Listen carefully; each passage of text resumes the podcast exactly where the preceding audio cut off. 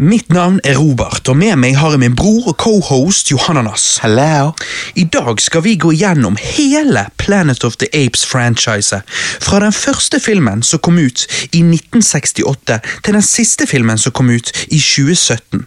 Men først, ja, i dag er rollene switchet tilbake til sånn som de pleide å være, med meg som host og deg som cohost, Johannes. Dette fordi du har fått deg en ny jobb, mer ansvar, og det tar naturligvis mye av tiden din. I tillegg til at Nora er snart fire måneder gammel, og jeg har begynt å få litt mer teken på dette pappagreiene, og har derfor, og har derfor litt mer tid. Fra nå av tenker jeg at vi ikke har noen fast host, men bytter litt på det sånn som vi føler for. Høres ikke det ut som en god plan? Det høres ut som eh, en perfekt plan, og eh, det, det føles deilig å få en liten break igjen, men eh, ja, jeg, jeg er spent på hvordan, hvordan du eh, tar hostrollen host-rollen igjen, Robert. Nå er det en stund. Jeg tror det kommer til å gå veldig fint. Jeg er Ja. i hvert fall veldig klar. Ja, jeg. Jeg er litt som en... eh, Du er en veteran i dette. Jeg er litt som en 14 år gammel gutt full av Ja. hormoner Åh. som endelig har fått sett pupper. Jeg, er, jeg er klar. Du er klar for å sprute? Jeg er det. Ok. Men Johannes, vil Ja. du fortelle oss om denne nye jobben din? Du har jo blitt sjefsbaker, kan man kalle det det? Jeg har blitt uh, bakerleder uh, på et uh, bakeri, Oi. og det, det er jo ganske nice. Fått mye ansvar. Eh, jeg Bestilling av varer, eh, sant? eh, produktutvikling, sant? alt dette her. Så, eh, Produktutvikling. Produktutvikling, ja, det er fancy ord. Ja, det er og det. Jeg, jeg. Men det tar mye av energien, og Mm. man, blir jo da, man, man blir jo da tvunget til å bli fort voksen sant, på dette. Ja, det er sant. Ja, det er, men det er spennende. Så du har sluttet med smokk og bleier? Ja, Det sluttet jeg med forrige uke, da. Ja, Så skjønner. nå er det liksom Ja, Nei, men det er jo helt fantastisk. det, Det. det er jo det. Og. Ting dere produserer, vil jo man kunne se i butikker først og fremst i bergensområdet. Ja, først, men eh, jeg har ambisjoner om å eh, utvikle oss til hele Norge, liksom. Mm, mm. I hvert fall i fremtiden. ja. Og dette merket da, som kanskje folk kan være på vakt og se i fremtiden, eller hvis de bor i bergensområdet og sånn, Ja. så er det da pizzabunner, um, eh, rundstykker ditt og datt, Ja. og, og selve merket på dette produktet da. Ja, det heter jo eh, Det heter jo Mer enn. For hva er det mer enn da? Eh, det er mer enn eh, Det er bare- mer enn alt. Det er mer enn bare en pizzabunn. Ja, Det nettopp. er, det er gulrøtter eh, bakt inn i deigene. da. Det er det som er tingen. Jeg har jo smakt dette, jeg må jo si ti av ti. Du, du, du syns det, altså? Ja, jeg synes det er helt fantastisk. Ja. Først var jeg skeptisk til ideen. Mm. Du, du, du vet vi er i et veldig sånn um, en grønn tid, sant? Ja, og liksom sant. alt sånn som det. Uh, og du forstår at det er derfor sånne ideer kommer, kommer opp og fram og får, får uh, støtte og, og alt mulig. Mhm.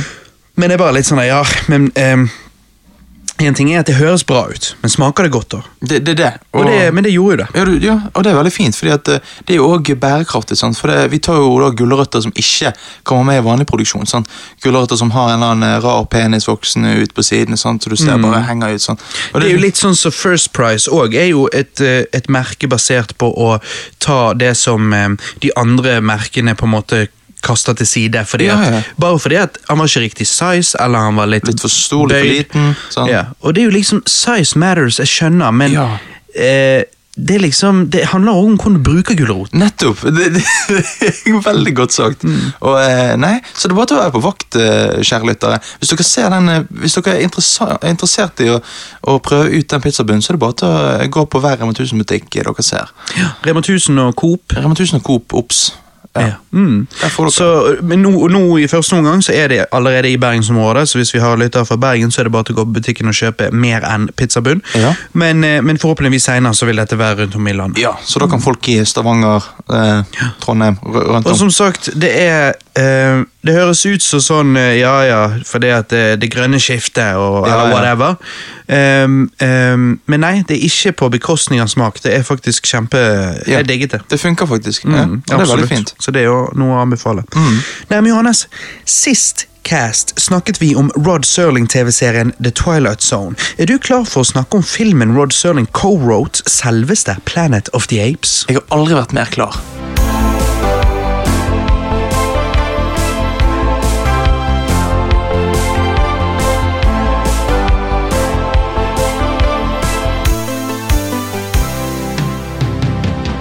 Planet of the Apes er en klassisk sci-fi-film fra 1968, starring Charlton Heston, Roddy McDowell og Kim Hunter. Filmen er løst basert på en fransk bok, og historien her handler om at Charlton Heston som George Taylor, sammen med sitt astronautmannskap, krasjlander på en rar planet i fremtiden, hvor de snubler over et bakvendt samfunn med siviliserte aper og primitive mennesker. Mange sci-fi-filmer driter seg ut på den måten at de sitter filmene, eh, sitter filmene sine bare noen tiår frem i tid. Noe som gjør filmene ganske utdatert på den måten at når vi da sitter og ser de her i fremtiden, så gir ikke ting alltid helt mening. Men Planet of the Apes er satt hele 2000 år frem i tid, og likevel konseptet ikke nødvendigvis er realistisk, så er det i hvert fall hakket mer plausible enn mange andre sci-fi-filmer sånn sett. Eller hva tenker du, Johannes? Jo, der er jeg helt enig med deg. Uh, det er veldig bra, fordi du ser mange sant, så liksom 2049, sant, Blade Runner og Ja, eller kortere. Ja, 2019 ja, og sånn. 2019, 2015. eh, Så, så to da er vi Future. jo allerede forbi det. Ja, ja, sant? Det funker ikke i det hele tatt, sant? men dette er veldig kult, og jeg, jeg tror på det òg når, når jeg ser filmen. Når, når de er i ørkenen her, jeg, jeg tror på det at det er 2000 år i fremtiden. Det er en litt rar scene her i starten, Johannes, jeg aldri har skjønt før nå, hvor Charlton Heston ler av at medastronauten planter et lite amerikansk flagg i bakken når de lander på denne planeten.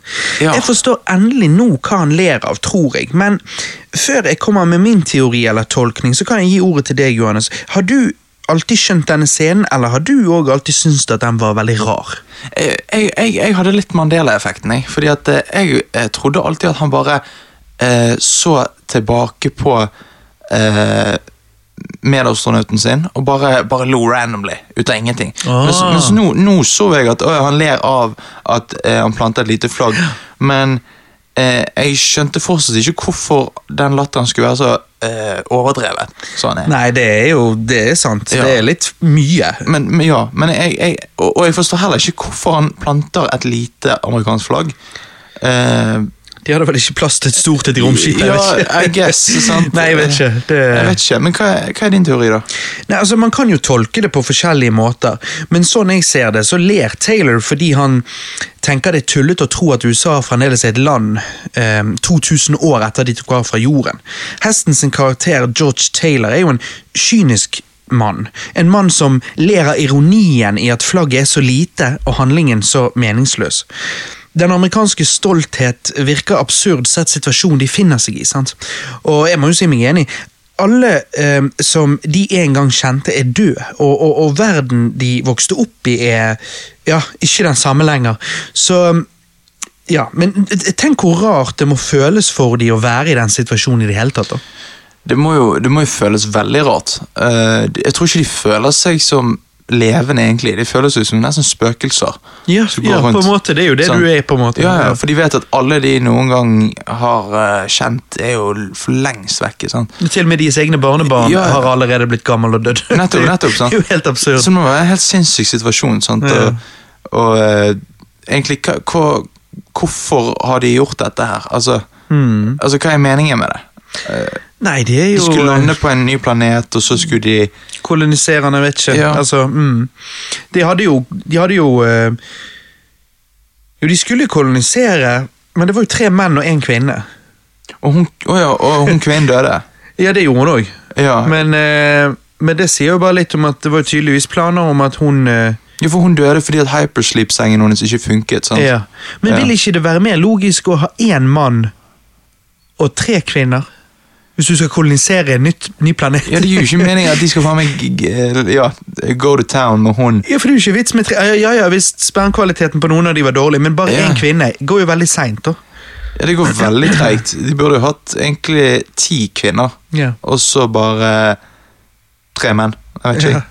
Ja. Ja. Nei, det, så det var noe litt rart. Men, men eh, det er jo Den delen av plottet betyr jo ingenting. Sant? Som du sa, hun er jo død Sånn. når de lander og krasjlander. Og, Ja, ja. og, eh, så det handler jo ikke om å kolonisere. De, jeg tror ikke de kom der de hadde planer om. Sant? Altså, det er jo eh, romskipet som klikker og Det er jo alt. det. Sånn.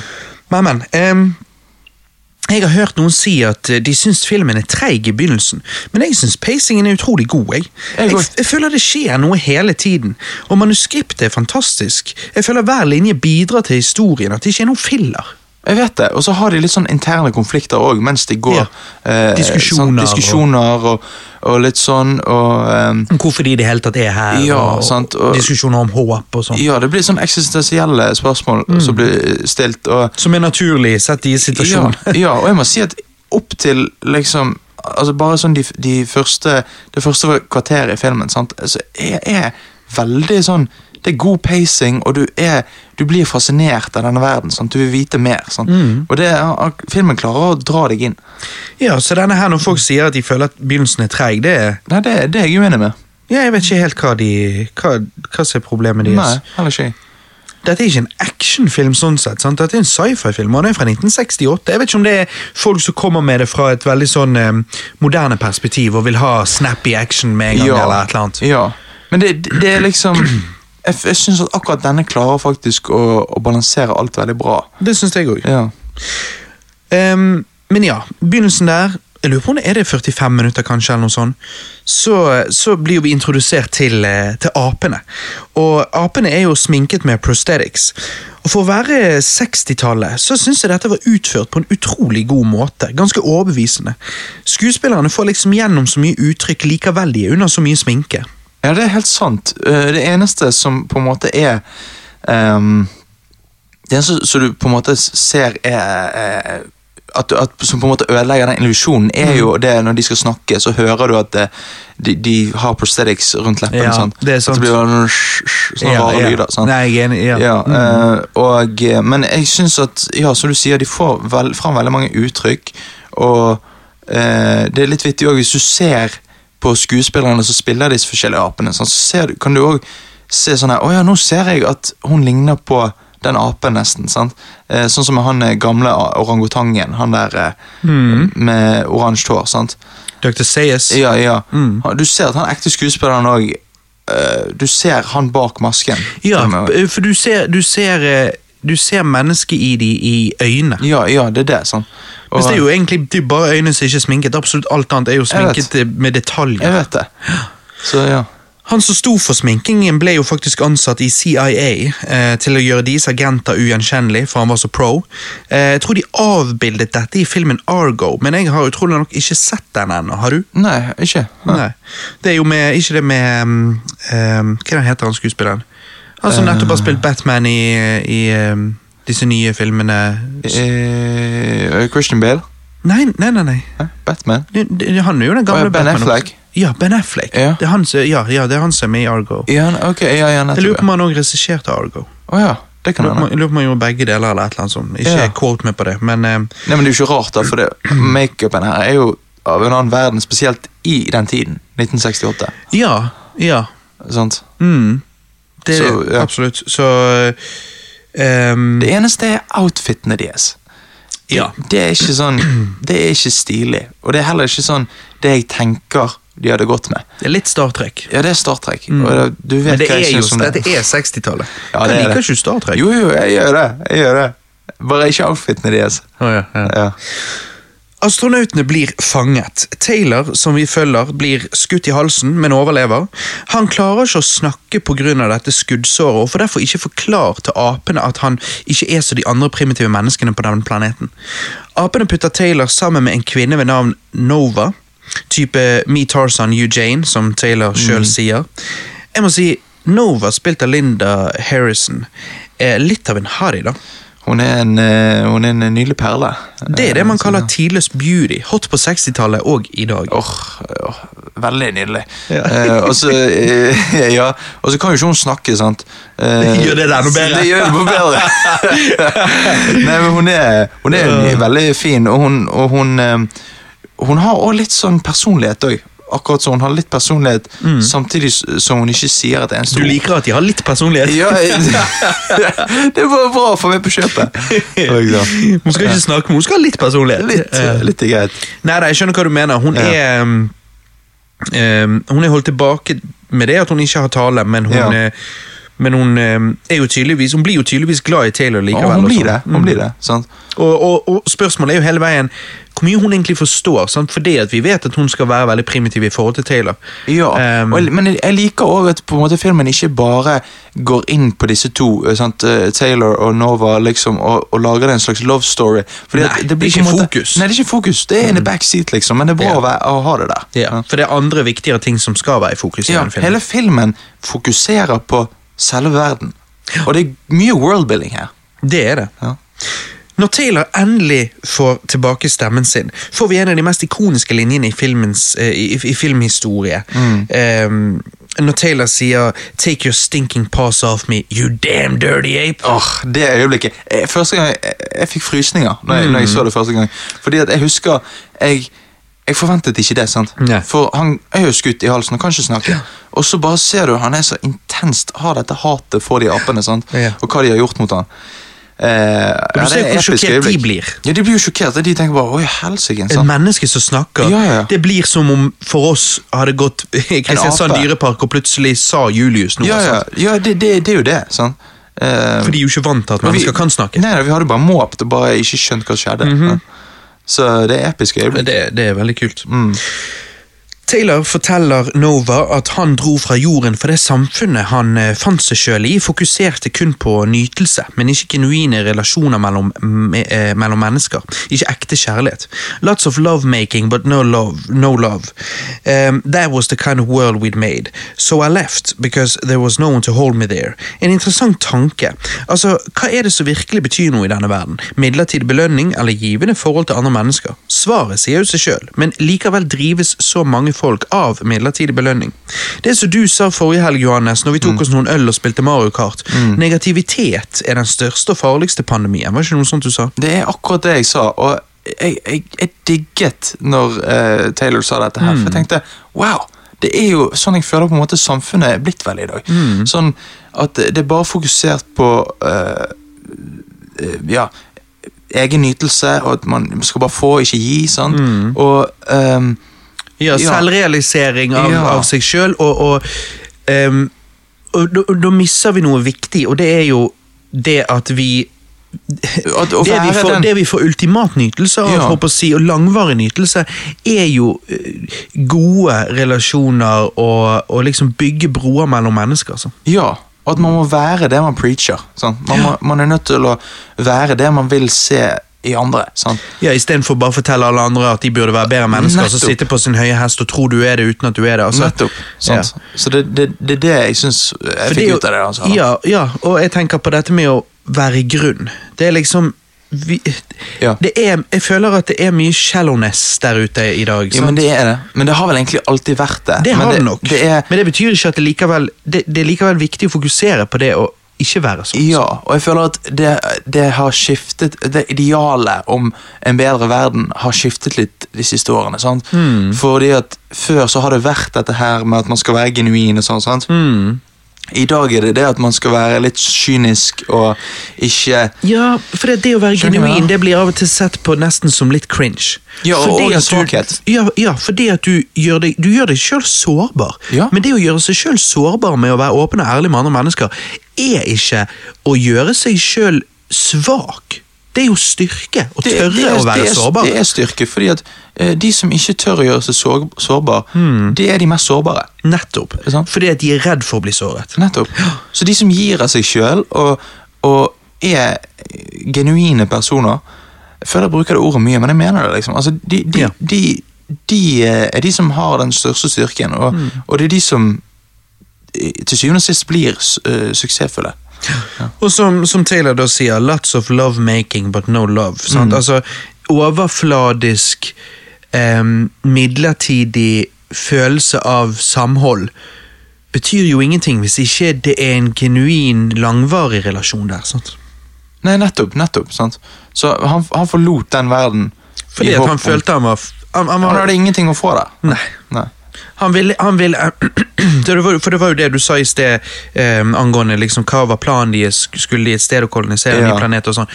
Taylor gjorde nok det fordi at hoppet på dette missionet her fordi at han vil eh, han mener at menneskeheten er blitt for korrupt. Eller Ja, altså, ja. i oss sjøl. Vi, mm. liksom, vi har mistet oss sjøl. Mm. Og han ville vekk og, og prøve å finne noe bedre. Mm. Ja.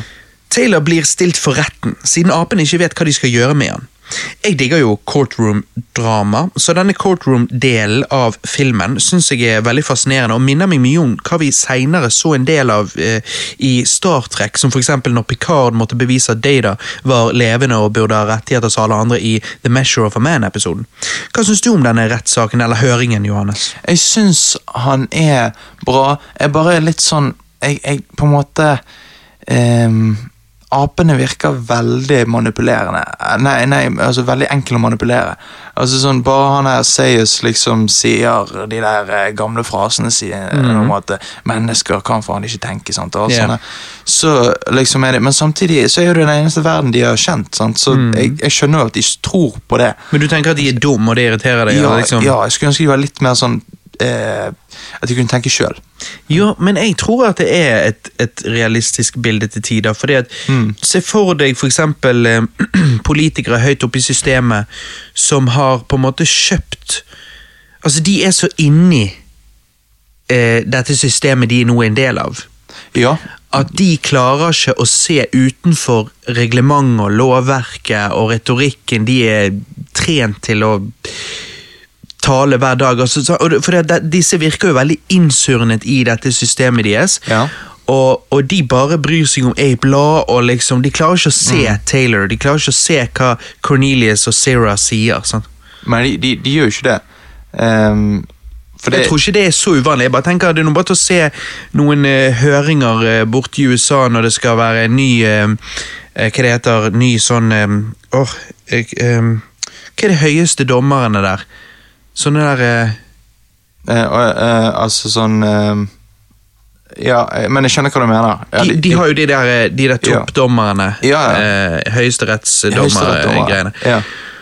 Og når de gjør for eksempel høring der fordi en ny en skal inn, sant, og sånn, så føler jeg at ofte de høringene høres jo dumme ut, de òg. De kommer jo ofte med dumme spørsmål dumme påstander. og det er, Ja, de, du, du er så inni det der der at du ikke At du- at du ikke høres ut som et eget tenkende menneske. Ja, nettopp. nettopp. Og Du jeg- spiller jeg en skjønner- rolle, Jeg skjønner det, for jeg skjønner at de gjør det for uh, konflikten mellom Fordi uh, dr. Sira og Cornelius de skal jo være sånn pro progressive. scientists, Ja, ja. ja. ja. Så jeg, jeg ser jo De vil frem til sannheten, mens disse politikerne, Dr. Dr. Sayers og, og de andre, de vil bare ivareta apes og liksom Ja, fordi at Ja. eh, sannheten vil da forandre måten de må styre på. Sant? Nettopp. Dommerne her nekter jo å se det disse apene prøver å fortelle de angående Taylor, som sagt. Sant? Og jeg har aldri tidligere lagt merke til det, eh, men nå når jeg så, eh, nå når jeg så filmen igjen, da, så, så ser jeg at eh, når Dr. Sera prøver å overbevise dommerne på et tidspunkt eh, her, eh, om hvor Taylor kommer fra, så sitter apen til venstre med hendene foran øynene, han i midten med fingrene i ørene, og han til høyre med hendene foran munnen. See no evil, hear no evil og speak no evil, Ja. som det heter. La du Ja. merke til det? Nei, det la jeg faktisk ikke merke til. Det er litt kult. Jeg har aldri sett det før, jeg heller. Jeg har sett Nei. filmen flere ganger, men jeg så det denne gangen. Ja, ja det er litt kult. Uttrykket eller konseptet tolkes på forskjellige måter forskjellige steder i verden, så man kan vel si at det er litt opp for tolkning, men i denne sammenheng, sammenheng tolker jeg det som at um, de fornekter det det blir presentert her, sannheten. Ja, ja. Dr. Sarah sier jo 'face the truth', men de nekter. De tre vise apene uh, føles veldig relevante til tiden vi lever i i dag. Det er mange aper der ute som ikke tør å se sannheten i øynene, nekter å lytte, og det er skummelt, for vi vet jo hva sånt fører til. Ja. Akkurat som vi har sett borti statene en stund. Du vet, Når visse politiske bevegelser oppstår som et symptom på et større problem, eller flere større problemer, men ingen av de mer etablerte politikerne ønsker å finne ut hva som var årsaken til at dette symptomet gjorde seg til kjenne i deres hus. Hvorfor forstå når du kan fornekte? sant? Hvorfor lære når du kan forbli uviten? Hold deg for øynene, stikk, ørene, eh, stikk fingrene i ørene og lukk munnen. Politikere er valgt for å representere folket, men mange vil heller mele sin egen kake enn å lytte til folket. For en verden, hæ? Welcome to the twilight zone. Eller så Taylor sier It's a madhouse! Ja, ja det. Nei, men sant, altså, Bare tenk hvis folk kunne senke skuldrene, lytte til hverandre, prøve å forstå. Tenk yeah. hvor mye bedre verden ville vært. Ja, ja. Og en, eh, altså, eh, hykleri er jo, eh, er jo korrupsjon. Mm Mhm. altså, det er jo det er jo det at du Du, du koster eh, sannheten under teppet.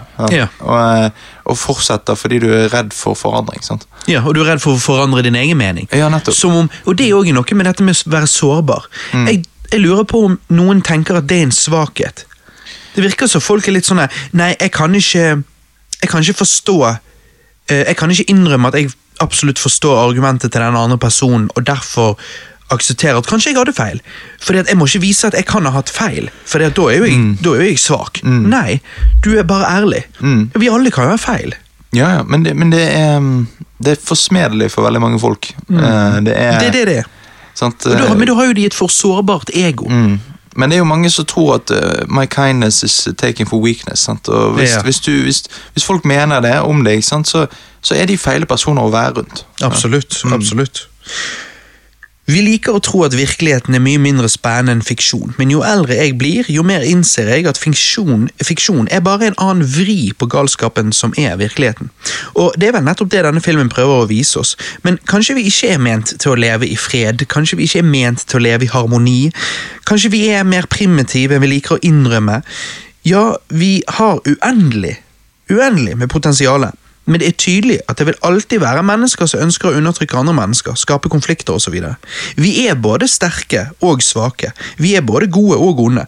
Politikk, rasisme, religion versus vitenskap, atomkrig, alt adresseres her i denne filmen. Til og med hvordan vi behandler dyr, er noe denne filmen får en til å tenke over. Fra ikke så diskré scener til veldig diskré scener. Ta for eksempel når Taylor og apene diskuterer om de er verdig intelligent, hvorfor de ser på hverandre som dyr, mens begge sitter på ryggen til et annet dyr som ikke tas hensyn til. Nettopp. sant? Hesten. Hesten, Ja. Jeg, jeg, jeg, jeg må si at for å være et B-filmplott, Ja, ja. så er det en så det er en så tankevekkende eh, film på så mange måter, som du nettopp nevnte nå. Eh, så det, det er en veldig spesiell film i filmhistorien. Ja. Det er utrolig Det er et moment in time. altså. Jeg er helt enig. Det, det også Altså, det, det er rart, fordi at på en måte han er i popkulturen, men jeg tror ikke mange tenker over hvor mye filmen betyr. Nei, og det er en, det er en eldre film. ehm, og eh, jeg vet det er mange i dag som ikke klarer å sette pris på en film som dette, fordi at han er eldre, og, og det tror jeg gjør at mange syns han er teatralsk. Men jeg syns det er synd, for det er en utrolig god film. Jeg digger jo den originale Star Trek og Twilight Zone-serien, og jeg føler dette er som om de to fikk et barn i form av en spillefilm. Ja, det, ja dønn. dønn. Og, det, og det er mange ting av denne episoden som sånn ok, Twilight, føles som Twilight Zone. Eh, ja, eh, Star Trek-outfits. sant? Altså, det er liksom sånn Og det tror jeg, så det, det gjør jo han litt eldre. I tillegg til at kanskje ikke alle oppfølgerne er så veldig bra, og det gjør at franchise som en uh, Plant of the Apes som et franchise ikke blir husket like godt som det kanskje hadde hadde det vært flere ting i det som var bedre. Ja, Men denne filmen er synd hvis han blir oversett Ja, altså, jeg av syns folk. at originalen er Altså, de, Denne originale Plant of the Apes-filmen er solid. Ja. Eh, han har definitivt ting som kunne vært bedre, sånn som eh, storytellingen. Eh, kan være litt treig av og til, jeg må jo si det. At, eh, men det, men jeg tror, det var litt sånn stil den tiden Ja. på, på, på filmene. At det, det er lange Man må se den i konteksten av når han kom ut. ja, altså. sant? Det er lange sånne shots med, med ingenting som skjer av og til, og det Men det kan jo være fine shots. Det kan jo roe Ja ned historien litt, eller Ja. liksom settle in. Ja, Også, men så noen sånne på en måte eh, Noen steder i historien så blir han fortalt uh, veldig grundig, liksom, og, og karakterer uh, skjønner det ikke helt, og så går det noen scener, og så skjønner jeg det. sant? Og så Litt sånne uh, som kan kunne blitt gjort bedre i dag, da. Men jeg bare Ja, men, mens, det, mens det blir litt sånn nitpicking òg. Ja, fordi at hovedgreien her sånn, Hva så var det du selve- sa? ja, at han er tanke... Tankevekkende. Ja. Sånn. Og det syns jeg han virkelig er. Det er han. På alle mulige måter. Ja. Jeg, jeg syns jo Plant of the Apes en klassiker. Jeg koser meg like mye hver gang jeg ser han. Jeg digger sci-fi-filmer som tar det langt. Jeg digger Lauren her, og jeg har alltid likt sci-fi-filmer der verden fremdeles kan utforskes, hvis du skjønner hva jeg mener. Eh, akkurat som i Mad Max. Yep. Ehm, og første gang du ser Plant of the Apes, så er endingen ganske mind-blowing. Skuespillet til Charlton Heston er hele veien solid, og de siste linjene eh, hans gir meg frysninger hver gang. Denne endingen er annerledes enn endingen i boken. Endingen i filmen må vi takke Rod Serling for. En klassisk Twilight Zone-ending. Jeg føler at Plant of the Apes er en perfekt oppfølger og avslutning på Twilight Zone, egentlig. Altså, Fuck Twilight Zone-filmen, som var lagd etter Rod Serling døde anyways. Plant of the Apes er den ekte Twilight Zone-filmen. Rod Serling var med å lage den, sant? og han resirkulerer flere ideer fra Twilight Zone-serien i denne filmen, men ikke bare resirkulerer han ideene her, jeg føler han perfeksjonerer de òg til en viss grad. Hvis du liker Twilight Zone, så mener jeg at eh, da vil du elske denne filmen. Ja, jeg er helt enig med at han perfeksjonerer eh, de gamle plot pointsene han har hatt før. Eh, og jeg eh, Ja, nei, jeg, jeg må jo bare si at det, sant, denne filmen er jo ikonisk òg pga. slutten. Uh, og ja, men, Ja. Og, og, og skuespillet her er utrolig bra av Ja, for Charlton Heston nesten er alle konge. parter. Ja, Charlton Heston uh, Jeg er sånn Han, han er uh, Filmen hadde ikke vært det samme uten han. Nei, nei, nei. Nei, absolutt han, han ikke. er dårligere. Ja. Ja, det kunne, Um, Med feil skuespiller kunne det ødelagt mye. ja, det er en av de filmene. Mm. Og så er det dette her igjen, sant, med, med, med budskapene, kan du si. Som Roddy McDowell sa i 1998-dokumentaren Behind the Plant of the Apes, når han snakket om denne filmen, så sa jo han It explored religious, social and political, political themes, and managed to be wildly entertaining at the same time. Noe de beste Twilight Zone-episodene òg fikk til, sant? men noe jeg føler Hollywood ikke får til i dag på samme måte. I dag er de så opphengt i at de skal være forut sin tid, at de ender ofte opp med tvangsfôr oss svada istedenfor genuine tidløse temaer. Fordi at de budskapene, det som er tankevekkende i denne filmen, er jo mer tidløse menneskelige konsepter, ting som vi kanskje alltid har måttet deale med. sant? Uh, Istedenfor å prøve liksom uh, Skal vi se, Ja. hva er det kanskje folk vil si Hva, hva kan vi gjøre for å putte inn i denne filmen for at de om 30 år kommer til å si vi var forut vår tid? Sant? Så de prøver å være woke. Sant? Ja, og ditt og ja. datt. Jeg, jeg, jeg, Men jeg det- mener men- det, det tidløse som gjøres her, er mye bedre. Og det er veldig vanskelig å gjøre. Sånn? Ja. Det, det, det må man huske på. Det å prøve å være forut sin tid tror jeg aldri skal være ideen din. Nei. Jeg tror du skal fokusere på på eh, budskapet og på å være tankevekkende og sånn, men, men hvis, hvis jeg, jeg tror Hvis det bare du- automatisk blir det, hvis du, hvis du er øh, nøye med, med hvordan historien fortelles, og, og, og hva du vil få fram. Ja, for Jeg bare tror ikke at noen av buds Jeg tror ikke at liksom folk kommer til å se Last Jedi om 30 år og så bare åh, den var egentlig så tankevekkende. Se hun der med lilla hår, og, Ja. og se ja. ditt og datt eh, Nei, men skjønner hva jeg mener? sant? nei, nei, det er sant, altså Nei, men, men det er jo to forskjellige verdener. sant? Ja. Her er det en som faktisk tar for seg ekte problemer. sant? Mm. Så det er en som tar for seg små problemer. Nettopp. Og nettopp. Um, ja. Nei, det, det er imponerende. Men Johannes, hva syns du om Taylor sin character arc i denne filmen? Uh, han er Han er veldig bra. Uh, han går jo fra en Han går jo fra en Han går jo fra en, altså, hva skal man si, en kaptein som har på en måte egentlig miste Han har jo mistet alt håp, men han har jo òg dratt fordi han ikke hadde håp igjen. sant? Eh, men så, så, som sagt, de går som spøkelser på denne planeten. Han opplever å bli undertrykt av disse apene. sant? Han må kjempe for friheten sin. Eh, og til slutt så Ja, han, han klarer jo det. Han får jo allierte blant apene, sant? Og, de, og de hjelper han. Og eh, jeg syns at, at han er jo en Han er den beste karakteren i filmen. Ja, for det, jeg, jeg vil jo si at At Taylor i begynnelsen er en kynisk mann. sant? Han er det. Han har ingen tro på mennesket, men mykner opp gjennom filmen, må bevise seg verdig i apenes øyne, finner kjærlighet for andre mennesker i Nova, men får på slutten av filmen bekreftet det han trodde i begynnelsen, at mennesker er grådig, dum og destruktiv. Altså, her går han igjennom en fantastisk character arc for å så bli sterkt skuffet til slutt. Taylor sin character arc ser jeg på derfor som en sånn complete circle, hvis du skjønner hva jeg Ja, mener. men det er en complete circle. Sant? Men det er, derfor det er litt han- interesting character arc. Det Det veldig- det er ikke sånn vi er vant til å se. Nei, man, man ser ikke det ofte i filmer. Man ser liksom bare at de begynner her og ender her, og det, da sier vi at det var en god character arc, for de endret seg, eller whatever. Men måte- det at han kommer full circle, det er jo litt sånn wow. Ja, og det filmen sier med det, er jo basically at virkeligheten er så kjip som han trodde han var. Ja.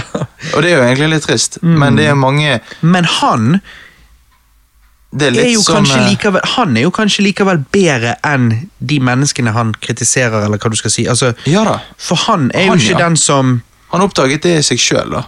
Ja, Kan så, du si. Ja, ja hmm. At han, at han kunne være bedre enn de han eh, på en måte blir skuffet over. Kanskje det er det som er the moral of the story. Dette med å fokusere på seg sjøl. Dette med å Altså, indi, et Å være den forandringen du vil se. Ja, men sant, du har individet, sant? Mhm. Som, ja, så du kan sjøl være den forandringen du vil se i verden. Selv om verden ikke er sånn som du skulle ønske han var. Sant? Mm, mm, Det er på en måte det ja. han er. Jeg har ikke tenkt på det Nei. helt sånn, men ja, det er Så jo det det handler- er sånn man får ut av det, ja. Det handler jo om eh, individualitet, på en måte. Det gjør jo det, for eh, uansett om verden du er kanskje ikke er sånn som du kunne ønske, eller kanskje du mener uh, det ser ut til at folk har gått seg vill, så betyr ikke det at ikke sant, At det å være så kynisk som man er i begynnelsen um, det tjener heller ingen. Da blir han på en måte en lite effektiv person som bare sitter der og kritiserer. Men det at han sjøl står opp for seg sjøl og finner kjærlighet for andre osv., da eh, da blir han det han, kunne, eh, det han kanskje kunne ønske andre òg var villig til å bli. da, kan du si. Så, Ja, ja, bedre nettopp. menneske. Ja. Nettopp. Mm. Nei, det, det er veldig interessant, og det er derfor jeg sier jeg syns det er fantastisk eh, Mm. skuespill her. Eh, unik musikk, eh, knallbra historie, super pacing, og alt i alt en film Uh, jeg i hvert fall tenker lenge på etter jeg har sett den. Mm. Denne filmen er på min topp 10 pre-2000-liste. Jeg anser Oi. dette å være en av de beste filmene noensinne lagd. Et Oi. legit mesterverk, og jeg gir Plant of the Apes 10 av 10. Ok, du gir den en ti av ti. Ja, jeg gjør det. Du gjør det. Altså, hallo, Twilight Zone, Star Ja. Trek, skviser det sammen, føder Plant of the Apes, selvfølgelig. Charlton Heston, hæ? Charlton Heston, hallo. Eh, det er alt du trenger å si, egentlig. Det er alt du trenger å si. Eh, ja, men jeg, jeg, jeg, jeg syns at eh, jeg, For alle grønne du har sagt å gi han topp ti, det er jeg helt med på. Men eh, jeg er bare litt sånn òg med pacingen. Uh, syns det kunne vært eh, litt mer snappy, bare sånn for å At man er totalt investert i historien hele tiden. Sant? Ja, men ja. Eh, men men eh, det er egentlig alt jeg kan si, så jeg gir han ni av ti. Ok, så det at du får ikke den der, for det er jeg sånn, hver gang etter jeg har sett Plant of the Apes, så føler jeg, eller når jeg ser han, og liksom sånn, Men han er dødsbra! ja, Altså, sånn, jeg, jeg føler han har den it-faktoren, Ja. som for meg pusher han til ti. for, det at Ok. du, for, eh, for meg så, i filmer jeg gir ti av ti, Ja. så leter jeg etter det, eks, det lille ekstra. Jo, og det- denne har den it-faktoren, og, han, og han, filmen er med meg de neste dagene, Jo, etter jeg har sett den. Tingen er at Det er en film jeg alltid, aldri helt blir klok på. Altså, det, er sånn, det er en film jeg tenker på hele tiden. Ja. Altså, sånn, det er sånn jeg, jeg, jeg, jeg liksom Jeg syns han er episk bare i seg Mm. sjøl, siden han ikke forklarer alle steder i, i historien. Altså Han på en Mm. måte, han lar òg være litt opp til seeren òg. Eh, Mm. eh? Eh, og eh, Men jeg, jeg gir han ni av ti. Han er nesten perfekt. Og eh, jeg skulle bare sett han litt eh, bedre på noen forskjellige steder.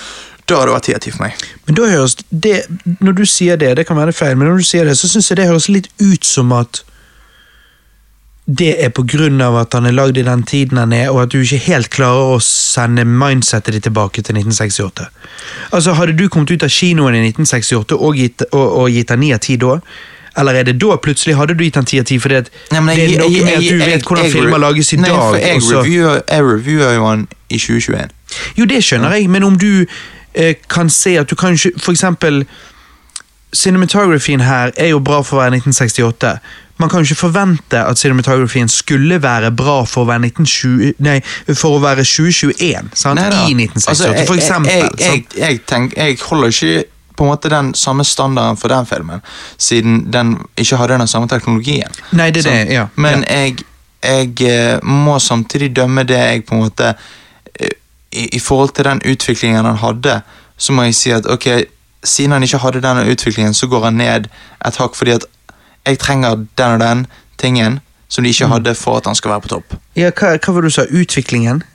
Ja, med prosthetics for eksempel, at eh, det ikke At, at man, man Det er veldig bra eh, prosthetics og sminking, men at man ser jo at det er fake, sant? Og man ser jo at det er At eh, det, det på en måte ikke Det ligner jo ikke så veldig på aper, sant? Um, Nei. så det kan Nei, man så det si. skal jo være utviklede aper, da. Men det blir, jeg føler at da kan man egentlig Det var det jeg mente. Med at Da blir det litt sånn at alle eldre filmer er sånn Ja, det så jo ikke helt ekte ut. Nei. Nei, det det må se ekte ut for at jeg skal gi en 10 av ingen, 10. så da liker du ingenting før 1980? Fordi at alle Jo. spesialeffekter før 1980 ser jo ikke ekte ut. Når du ser originale Star Wars, så ser jo ingenting der ekte ut. Uh, Altså type Når du går inn i Mos Eisley-baren, så, så er jo er jo disse tingene og aliensene og sånn er jo litt cheesy på en måte. og sånn som det. Ja, ja, men det, det har en egen sjarm, liksom. Og det kan man si at denne filmen òg har, men eh, samtidig så, så må han ha eh, Så er han litt sånn og noe treg noen steder for meg for å gi han 10 av 10. Ja, ja. Mm. Da er jeg spent hva du gir eh, eh, andre filmer etter franchise. Det blir okay. interessant å utforske. Ja, jeg er spent. Hvis dere kjære lyttere ikke har sett denne filmen før, så vil jo jeg eh, Det virker som vi begge ville anbefale dere da å pause denne casten, se filmen, for så komme tilbake. For resten av denne casten blir en spoilercast, hvor vi snakker om alle mulige detaljer. You've been warned. Ok, så la oss ta for oss slutten på Plant of Tapes. Og Johannes, Mhm. Det er litt vittig hvordan en så god amerikansk film er basert eller inspirert av en fransk bok. Akkurat som at det fantastiske amerikanske landemerket Frihetsgudinnen, som Taylor ser på slutten av filmen, var lagd av franskmenn. Nettopp. Det òg går da full circle, på en måte. Ja, ja, det gjør det.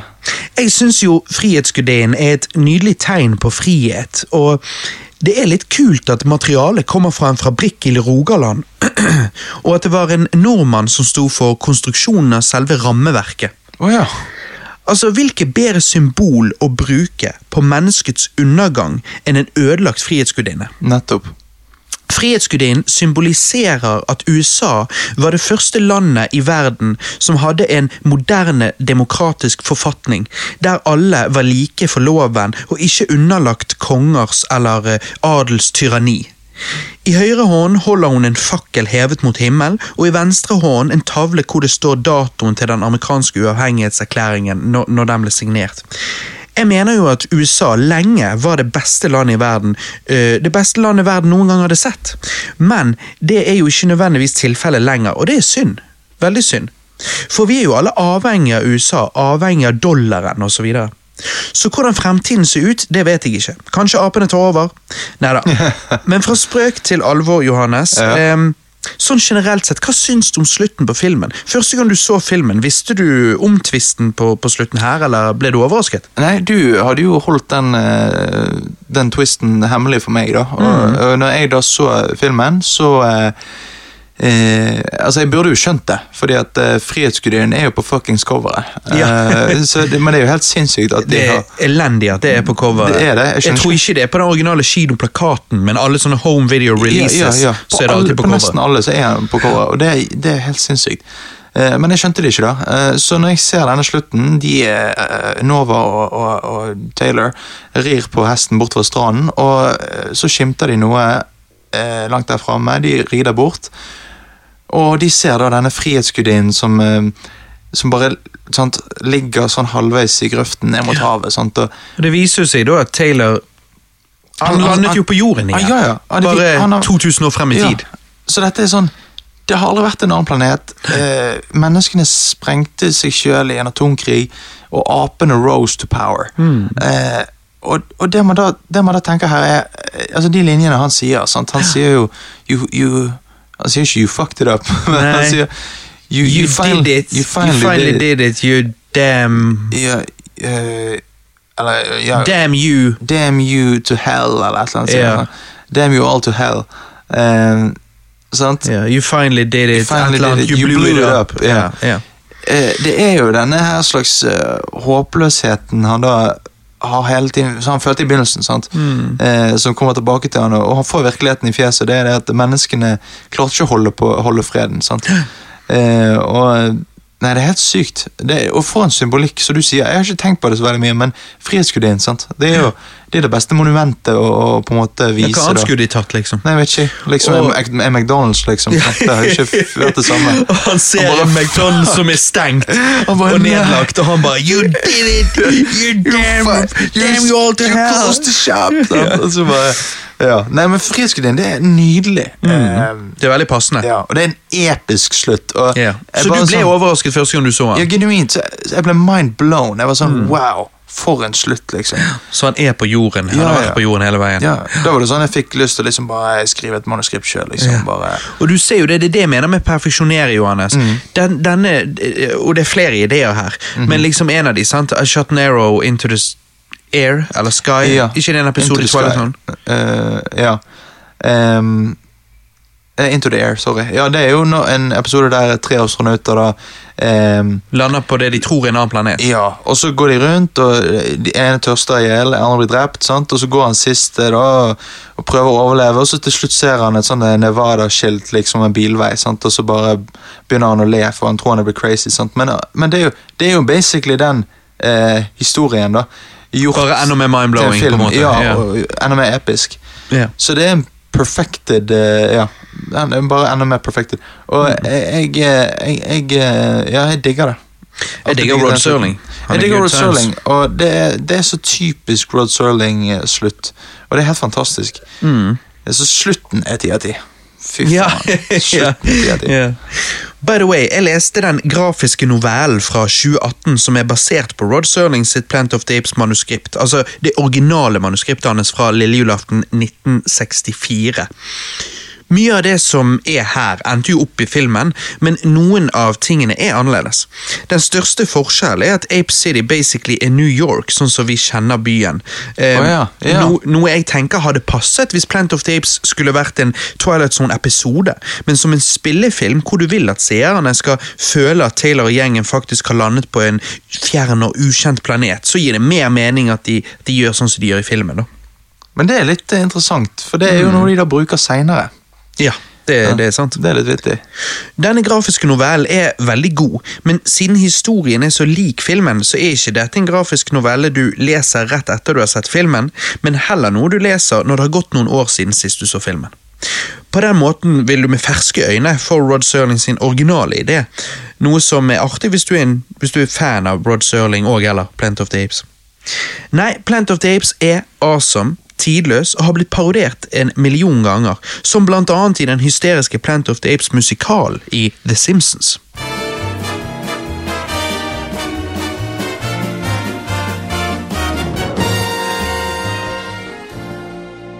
Help the humans about to escape. Get your paws off me, you dirty ape! He can talk. He can talk, he can talk, he can talk, he can talk, he can talk, he can talk. I can sing! Ooh, help me, Dr. Zayas. Dr. Zayas, Dr. Zayas. Dr. Zayas, Dr. Zayas. Dr. Zayas, Dr. Zayas. Oh, Dr. Zayas. Dr. Zayas, Dr. Zayas. What's wrong with me? I think you're crazy. Want a second opinion? You're also lazy. Dr. Zayas, Dr. Zayas. Dr. Zayas, Dr. Zayas. Dr. Zayas, Dr. Zayas. Oh, Dr. Zayas. Dr. Zayas, Dr. Zayas. Can I play the piano anymore? Of course you can. Well, I couldn't before.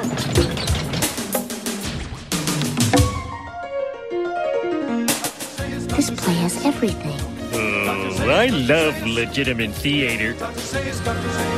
I hate every ape I see, from chimpanzee to chimpanzee. No, you'll never make a monkey out of me. Oh my god, I was wrong. It was Earth all along.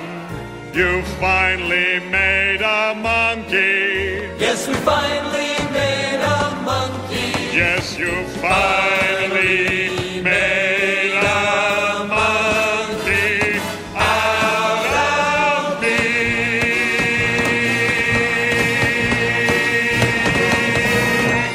I love you, Dr. Zayas.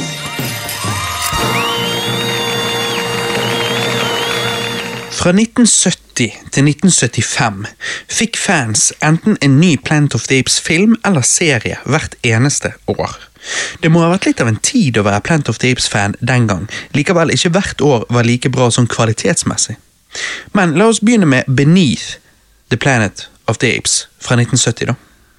Taylor landet på planeten år 3978. Denne filmen finner sted etter eneren, men i år 3955. Johannes, hvordan klarte de å fucke opp en så grunnleggende ting som årstallet? Jeg vet ikke. Jeg har skrevet det sånn 395 Nei, 300, og- eh, 3955 år etter Kristus. Sant? Eh, jeg vet ikke hvordan de klarte å fucke det opp. Det er helt merkelig.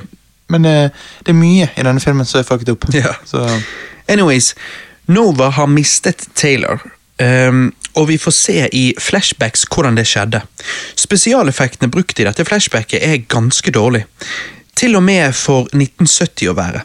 Det blir for tydelig at dette ikke kommer til å være en like god film som den første. Budsjettet var denne gang lavere, og det merkes. Dette føles som en TV-produksjon, og ikke en Hollywood spillefilm. Kanskje ikke så rart, siden regissøren var mest kjent for å regissere eh, TV-serier, og hovedkarakteren vår denne gang, Brent, var en TV-skuespiller. mm, ja, det merkes. Taylor forsvinner som sagt i et hav av dårlige spesialeffekter. Nova prøver å hjelpe den nye hovedkarakteren Brent, som er sendt fra fortiden på et rescue mission for å finne Taylor. De går sammen under bakken, møter en sivilisasjon med mennesker som snakker via telepati, men oh no, de tar av seg eh, menneskemaskene og viser seg å være mutanter. Mutanter som tilber en atombombe. Altså, hva i helvete er dette for noe? Dette føles som en skikkelig dårlig Star Trek-episode. Nei, vet du hva? Til og med den verste Star Trek-episoden er mye bedre enn denne filmen her. ja, du mener det, ja. Nei, jeg, jeg, jeg er jo enig. Dette er jo ass. Det er jo, Ja. Det er jo rektum. Det er jo, Men- merke, det er, det er jo noe syregreier de er ute på her. Ja, men altså sånn, jeg bare sånn Samtidig skal det sies at jeg liker litt denne ideen om, om at det er noen underjordiske folk som tilber en atombombe som ikke har sprengt den. Det minner jo meg litt om uh, Fallout. sant? Der er jo det en bombe som ikke har sprengt, så folk liksom uh, tilber. sant? Og, Uh, men men det, bare måten det er gjort på her, er utrolig dårlig. fordi at du blir så mindfucket. du vet ikke, Hvem er disse folkene? Hva, telepati? Hva er dette for noe? Nå begynner vi å liksom bevege oss i overnaturlig Har de vært her hele tiden? Har de vært her hele tiden? Er Altså, de mennesker? Hvis du nå tenker over dette er jo Plant of the Apes, så det vil si at under eneren, som var en så god film og alt dette Ja, så var de hele tiden de, var det noen mutanter under bakken som tilba en atombom. Altså, det, det er så annerledes, det er så rart i forhold til Ja, det vi nettopp fikk. Det er, bare, det er bare ingen Det er bare ingen det er bare utrolig sånn Det høres ut som en syvåring som har prøvd å forklare hvordan han òg kommer ned til dem, For han bare faller jo inn i jorden. Ja. Sant? Og det er bare Det acting og the green screen er så ass. Det, det er så, hele greien er bare veldig veldig rar. Slutten på filmen er steindrit. Hele planeten sprengs til helvete. Altså Her starter de et franchise med en fantastisk film. Så gir de oss en elendig oppfølger. Så sprenger de hele driten til helsiken, så de ikke kan lage flere oppfølgere. Men så lager de flere oppfølgere uansett. Noen ganger forstår jeg ikke hvilke fucked up drugs som passes rundt i Hollywood. altså. Helt enig. Og det var jo han Charlton Heston, han, han ville jo ikke være med på en toer. Så han fikk, med, han fikk inn demenet sitt om at eh, ok, jeg kan være med på toer, men da skal faen meg ødelegge hele franchisen. Ja. Men så fant jo de en uh, måte Vei rundt. Ja, ja. Men eh, jeg, jeg, jeg har jo bare skrevet her, da. Ja. Um, det ser ut som han blir sugd før han uh, kveler hun Nova uh, under bakken der. Mm. Uh, med, hun, hun skal drikke noe vann, og så tar hun hodet rett Ja. foran crotchen hennes. Og Jeg vet ikke om det var meningen, men det ser Ja, om det skal være en som- metafor for noe. Ja, jeg vet ikke. Nei, sant? Ja, Sant. for han får over seg å utøve vold mot henne, og det er Ja. fordi at de her eh, telepatimutantene eh, eh, De har noe imot de, de har hjernevasket han og, eh, Ja, og, og, og hva, hva er det som skjer? En underjordisk council eh, eh, Sant? Det er creepy når den uh, Altså, det, det er jo De ser jo rare ut, de mutantene. Mhm. Det er jo creepy. Men det er bare sånn når du, når du ikke har noen steder å holde deg fast i, Mm. så blir uh, så, så klarer ikke du å henge med. Mm. Og, og det blir bare mindfuck. Ja, det blir en syretripp, hele greien. Sånn skal sies da, jeg syns jo at det er sånn hvordan uh, det ser ut under jorden der med Du bare ser en sånn halv bil stikkende ut av fjellet, og hvor- på en måte New York Visuelt sett er det litt stilig. Det er stilig. Mm. Jeg syns det er så stilig. Det er det, det er det. Men jeg syns alt annet er så Altså, jeg syns manuskriptet er elendig. Jeg syns skuespillet er average at best. Actionsekvensene er lange og kjedelige. Mangler musikk. Og selve historien, det viktigste med en film, spør du meg. Jeg syns den er pure ass. Dette er en forferdelig dårlig film. Ikke en sånn It's so good eh, Nei, It's so bad it's good-film heller.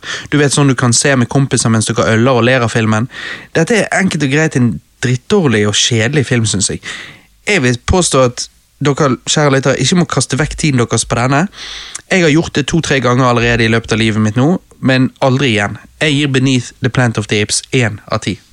Oi, oi, oi, oi, oi, ok. ok. Jo, for det er et sam- når du, du må se på det sånn Hvis du ser disse back to back Ja. Du ser første Plant of the Apes, og så ser du denne, så sitter du igjen og bare tenker Hva er dette for noe? Ja, men den, den, den, Dette er jo så rart. ingen, denne prøver ikke å si noe engang. Denne Nei. filmen prøver ikke å si noe. Så denne er sånn so bad, jo- it's, so bad it's fucked. Ja. eh, hvordan den er. Ja. Og, eh, So må- bad you'll get fucked. Ja, jeg syns jo det er creepy når uh, apestatuen uh, blør ut av øynene. da. Ja. Det er ene shotet, jeg syns jo uh, det shotet med byen i ruiner er det kult. Ja. Men det er bare sånne småting her og der. Ja. Det er sånn som jeg liker. Jeg bare kunne fått i, jeg kunne bare tatt concept-arten Ja. Eh, og hengte den på veggen. Og Ja, bare, ja. ja, ok. Det, men, det er liksom det. men filmen, historien, hva, hva er dette? Ingenting å hente. Så jeg, jeg, Det er ulogisk. jeg har en tre av ti, da. Tre av ti. Men uh, Du, du er litt snill. Ja, jeg er litt snill, fordi Mm. at uh, jeg syns fortsatt han har noen kule ting, men, Men hvor mange ganger har du sett denne? én. Ja. Ja. Mens jeg har jo sett den to-tre ganger. Eller Ja. dette var sikkert tredje. da. Men jeg kommer jo alle til å se den igjen. Nei, for sant? det er jo ikke nødvendig. Det er jo ikke, altså, Det er ingenting å hente der. Nei. Fordi at han er såpass dårlig eh, i forhold til eneren at det er Mm. bare sånn, å kalle dette en oppfølger er jo nesten skam. Ja, ja. Så nei, Jeg synes wow. Det verste er at denne filmen kunne vært så utrolig mye bedre hadde studioet stolt på Rod Serling og gått for noen av ideene hans. Hvordan var hans ideer, da? Rod Serling kom nemlig opp med flere ideer for en Plant of the Apes-oppfølger. Tre av ideene vet vi om. Den første var at Taylor og Nova utforsket ting videre langs kysten, hvor eneren sluttet. Fant en ødelagt by, New York vil jeg da anta. Hvor- De fant våpen og et gammelt fly. Taylor og Nova hadde brukt halve filmen på å slåss mot apene som fulgte etter dem, og Nova hadde muligens dødd i denne kampen. Når Taylor på et tidspunkt er satt opp i et hjørne og alt håp ser ut til å være gone, hadde det eh, kommet et nytt romfartøy fra fortiden og hjulpet han. Taylor ble så gitt valget om å returnere til der han kom fra, som må bety at dette romfartøyet også en, er en tidsmaskin. Eh, jeg vet ikke. Uansett, Taylor hadde så hooket opp med en av astronautene og blitt værende for å bygge opp igjen menneskeheten. Denne ideen ble avvist, og Serling kom opp med to ideer til. I den ene finner Taylor og Nova et romfartøy, som igjen eh, er òg en tidsmaskin. Hvor de kan reise frem og tilbake i tid, noe som ville åpnet opp for mange muligheter. Den andre ideen var at Taylor tok med seg en håndfull relativt intelligente mennesker til en annen planet via et romfartøy han hadde funnet. Og når de kom til den nye planeten, hadde det vist seg at den òg var styrt av aper. Studioet likte ingen av disse ideene. eh, Gikk til den franske forfatteren av eh, eh, boken som inspirerte den første filmen, og han ga de en idé til en oppfølger. En oppfølger han kalte for Planet of Men. Den historien hadde plukket opp der eneren sluttet. Taylor og Nova hadde vandret videre forbi og gjennom The Forbidden Zone. Forbi eller gjennom The Forbidden Zone, eh, hvor de hadde møtt en gjeng primitive mennesker. Taylor og Nova hadde fått en sønn, Sirius. De hadde så brukt årevis på å skolere eh, disse primitive menneskene de nå levde sammen med. Etter hvert som apene hadde fått med seg hva Taylor og familien drev med, hadde det utviklet seg en krig mellom apene og menneskene. I et second draft eh, hadde Taylor hatet hvordan krigen endte, hvordan menneskene nå viste seg å være så forferdelige som apene fryktet. Taylor hadde, eh, hadde da funnet, en, eh, funnet noen atombomber, detonert de, sånn at Gud kunne prøve på nytt, eh, kan du si. Det siste shotet hadde vært eh, av en mer fredelig jord, hvor du så en bie og en blomst som skulle representere denne nye starten. Litt cheesy akkurat den endingen der, men altså likevel, alle disse ideene mener jo jeg er 100 ganger bedre enn det vi fikk. Men så hvem endte de opp med å De bare endte opp med å skrive sin egen? Mm. Og det var det verste de kunne gjort. Mm. Fordi at den første du sa Rod Serling hadde, yeah. er jo den beste. Mm. Med at de går videre, finner en, eh, en eh, Finner New York i ruiner, og så finner de et fly, sant? Og, og, og så kommer det noen et rescue team, sant? Mm. Og, liksom, og så blir det en liten krig der, sant? og det er egentlig alt du vil ha. Men etter det så er det egentlig ingen mer historie å fortelle. Det er det. Um, så Men det var jo ikke det etter, den, etter Beneath heller. Nei, det var jo ikke det. Egentlig. Det var jo ikke noe egentlig etter eneren heller. Sant? Så det er jo bare sånn For å finne en måte å få det videre. Det er jo for å cashe. Det, ja, men da blir det uansett en stretch. Mm. Så det er, sånn, det er ingen måte å gjøre det på uten at det blir en stretch, men, men, men hvordan Beneath ble, eh, var skammelig. Men altså, du hører det Rod Serling hadde de beste ideene. Ja, det er fordi han vet hva han snakker om. Ja, men de stolte ikke på han. Ja, han er det. Nei, så fikk jo vi Escape from the Planet of the Apes i 1971. Dette er på mange måter akkurat som den første filmen, bare at rollene er byttet om. Her er det apene som lander på jorden, hvor menneskene dominerer. Slutten på toeren, hvor Taylor sprengte jorden til helsike, skjedde. Men disse apene fløy av gårde i romfartøyet til Taylor, og sjokket fra at planeten sprengte, sendte de tydeligvis tilbake i tid. Som ikke går an. Men vi må bare akseptere det. Det må vi bare akseptere, tydeligvis. Ja. Dette er en mye mer cheesy film enn den første, men definitivt bedre og mer underholdende enn den andre. Eneren var en seriøs sci-fi-film, toeren var en dårlig B-film, og denne tredje filmen starter som en litt rar, men gøy komedie. Jeg likte spesielt den høringen og apene får tale sin sak. Men så mot slutten blir filmen overraskende mørk, og selve slutten er jo bare nitrist, med en hjerteskjærende Moses-metafor. Twisten helt på slutten løfter en litt opp igjen, men likevel. Dette er en dette er en litt rar film. Det er ikke ofte du ser en film hvor første halvdel er en sjanger, og andre halvdel er en helt annen sjanger. Jeg vet det. Det, det er veldig rart. Toneskiftet eh, er helt voldsomt. Altså, det går jo fra eh, veldig sånn lighthearted her i begynnelsen, når, eh, når Sira og eh, Cornelius blir jo nesten kjendiser sant? her Ja. blant menneskene, sant? fordi at ja, de kan snakke, og de har sjarm og alt sånt. her, Sant? Og når de er i court sant? Og, og snakker, sant?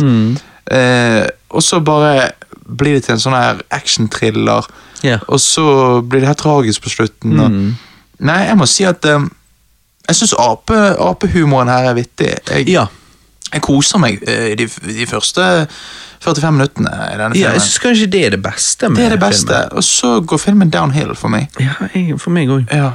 By the way, Armando, han sirkusfyren, så du Ja. hvem det var? Nei. Det er jo Khan fra Star Trek. Ja, er det det, ja? Ja, jeg, ja, jeg visste det var et eller annet kjent med han. Shit, ja. Escape from the Planet of the Apes har god pacing, har en relativt interessant, men litt rar historie, gjort bedre tidligere franchiser. Kvaliteten blant skuespillerne er varierende, men Roddy McDowell og Kim Hunter gjør en ganske god jobb her, vil jeg si. Eller hva tenker du? Jo, jeg er helt enig. Eh, de gjør jo det. Og eh, jeg, eh, jeg Uten de vet jeg ikke hva dette hadde vært. Nei.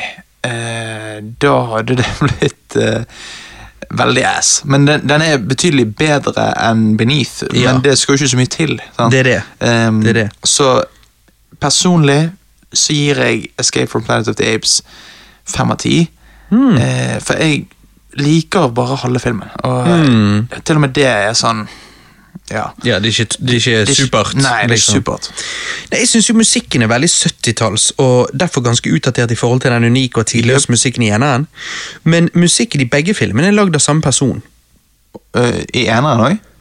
Ja, Å ja, ok. Mm. Ja, ja. ja i eneren og denne. ja og, og ikke i Beneath. Ja, Det vet jeg faktisk ikke. Nei, ok.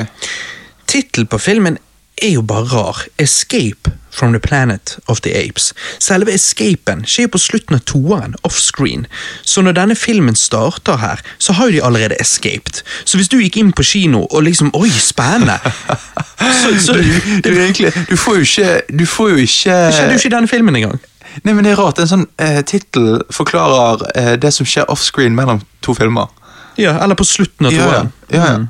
Og egentlig eh, Filmen handler ikke om Planet of the Apes. Nei. Han handler om Planet of the Humans, Ja.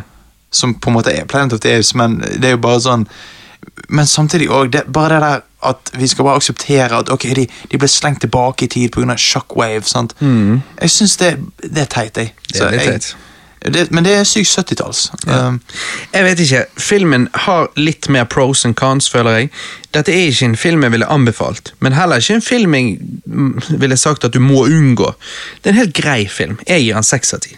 ok, ja, men da er vi sånn cirka enige. Ja. Og det var vi med eneren òg. Ja. Uh, så med toeren var du bare litt snillere enn meg. Da. Ja, jeg var det. Men, eh, Datofeil fra toeren holder de seg til her i treeren, som ikke samsvarer med datoen i eneren. Spørsmålet er om disse filmene derfor er separat fra eneren. Altså, Hvis du tar disse datoene på alvor, så er ikke, denne, er ikke dette oppfølgere, men spin-off. Kan toeren og treeren være satt i en annen dimensjon fra eneren? Jeg bare planter den tanken der. Jeg skal komme tilbake til det igjen, eh, men for now kan du tygge litt på den der. Men hvordan går det an med George Taylor i toeren? Nei, det, det kommer tilbake til. det. Ok. Ok, Conquest of the Planet of the Apes fra 1972. Jeg skrøt jo av at den første filmen var satt langt, langt frem i fremtiden. Denne er satt, you guessed it, i 1991. Sirkuseieren Armando fra den forrige filmen har oppdratt barnet til Cornelius og Zera. Her heter han Cæsar, og ikke Milo. Det navnet de ga han i den forrige filmen. Men det er samme apen, og han er spilt av Roddy McDowell, han som spilte Cornelius. Apen, eh, aper har eh, blitt gjort til slaver i denne fremtiden, eh, men Cæsar vet de fortjener bedre og starter en revolusjon. Akkurat hvordan han får det til, syns jeg er litt uklart. Han bare ser på andre aper, nikker, og de følger ordre. Om det betyr initiate, kan hende, men vi så aldri apene ha et møte hvor de planlagte denne revolusjonen. Eller var det noe jeg mistet her, Johannes? Nei, du, du, det skjer i så fall uh, off screen, eller så er det bare det at alle apene bare skjønner det. liksom. Men det De bare skjønner hva det nikket betyr. ja, han gjør mye sånn nikk sånn hele tiden. Hva syns du om historien, og hva syns du om selve worldbuildingen her, da? Jeg eh, kan jo bare si med en gang at uh, dette er den beste ut av 70-tallsoppfølgerne, uh, syns jeg. Conquest. Mm, Eh, jeg må bare si det. Jeg syns at uh, Det syns jeg òg første gang jeg så han. Ok, ja. Men Back in the day. Ja, ja. Fordi at eh, jeg digger den scenen når eh, apene skal lære å vaske hender helt i begynnelsen der. Eh, Det er ja, litt vittig. Ja, først tar Ja. apen papir, og eh, tar henne, så tar han og vasker det med vann, og så tar han såpe og gnir inn, og så er han ferdig. Så, ingenting skjønner så går vi videre. Eh, nei, altså Apekostymene er blitt mye bedre. sant? Eh, her, men her er jo de fanger, sant? så alle har Apekostymene, ok. Ja, altså Jeg syns på en måte at makeupen her òg er bedre. Å ja, det er han ikke. Eller på den måten, eh, det, han er lik på Cæsar. Eh, men på mange av de andre apene så har jo de faktisk ikke gjort skikkelig makeup på dem, men de har bare lagd sånne masker som de Ja. kan bare tre over hodet. Ja. Eh, mye billigere løsning, kan du si. Ja, men- men det er fordi at, Og da har de prøvd å putte de litt i bakgrunnen, så du ikke skal se det så Ja, godt. Ja, og det er fordi de skal filme så mange samtidig. sant? Men Ja, og jeg eh, eh, Ja, jeg syns det er episk her på slutten, altså. Ja, Men nå må ikke du get ahead of yourself. Nei, nei, nei.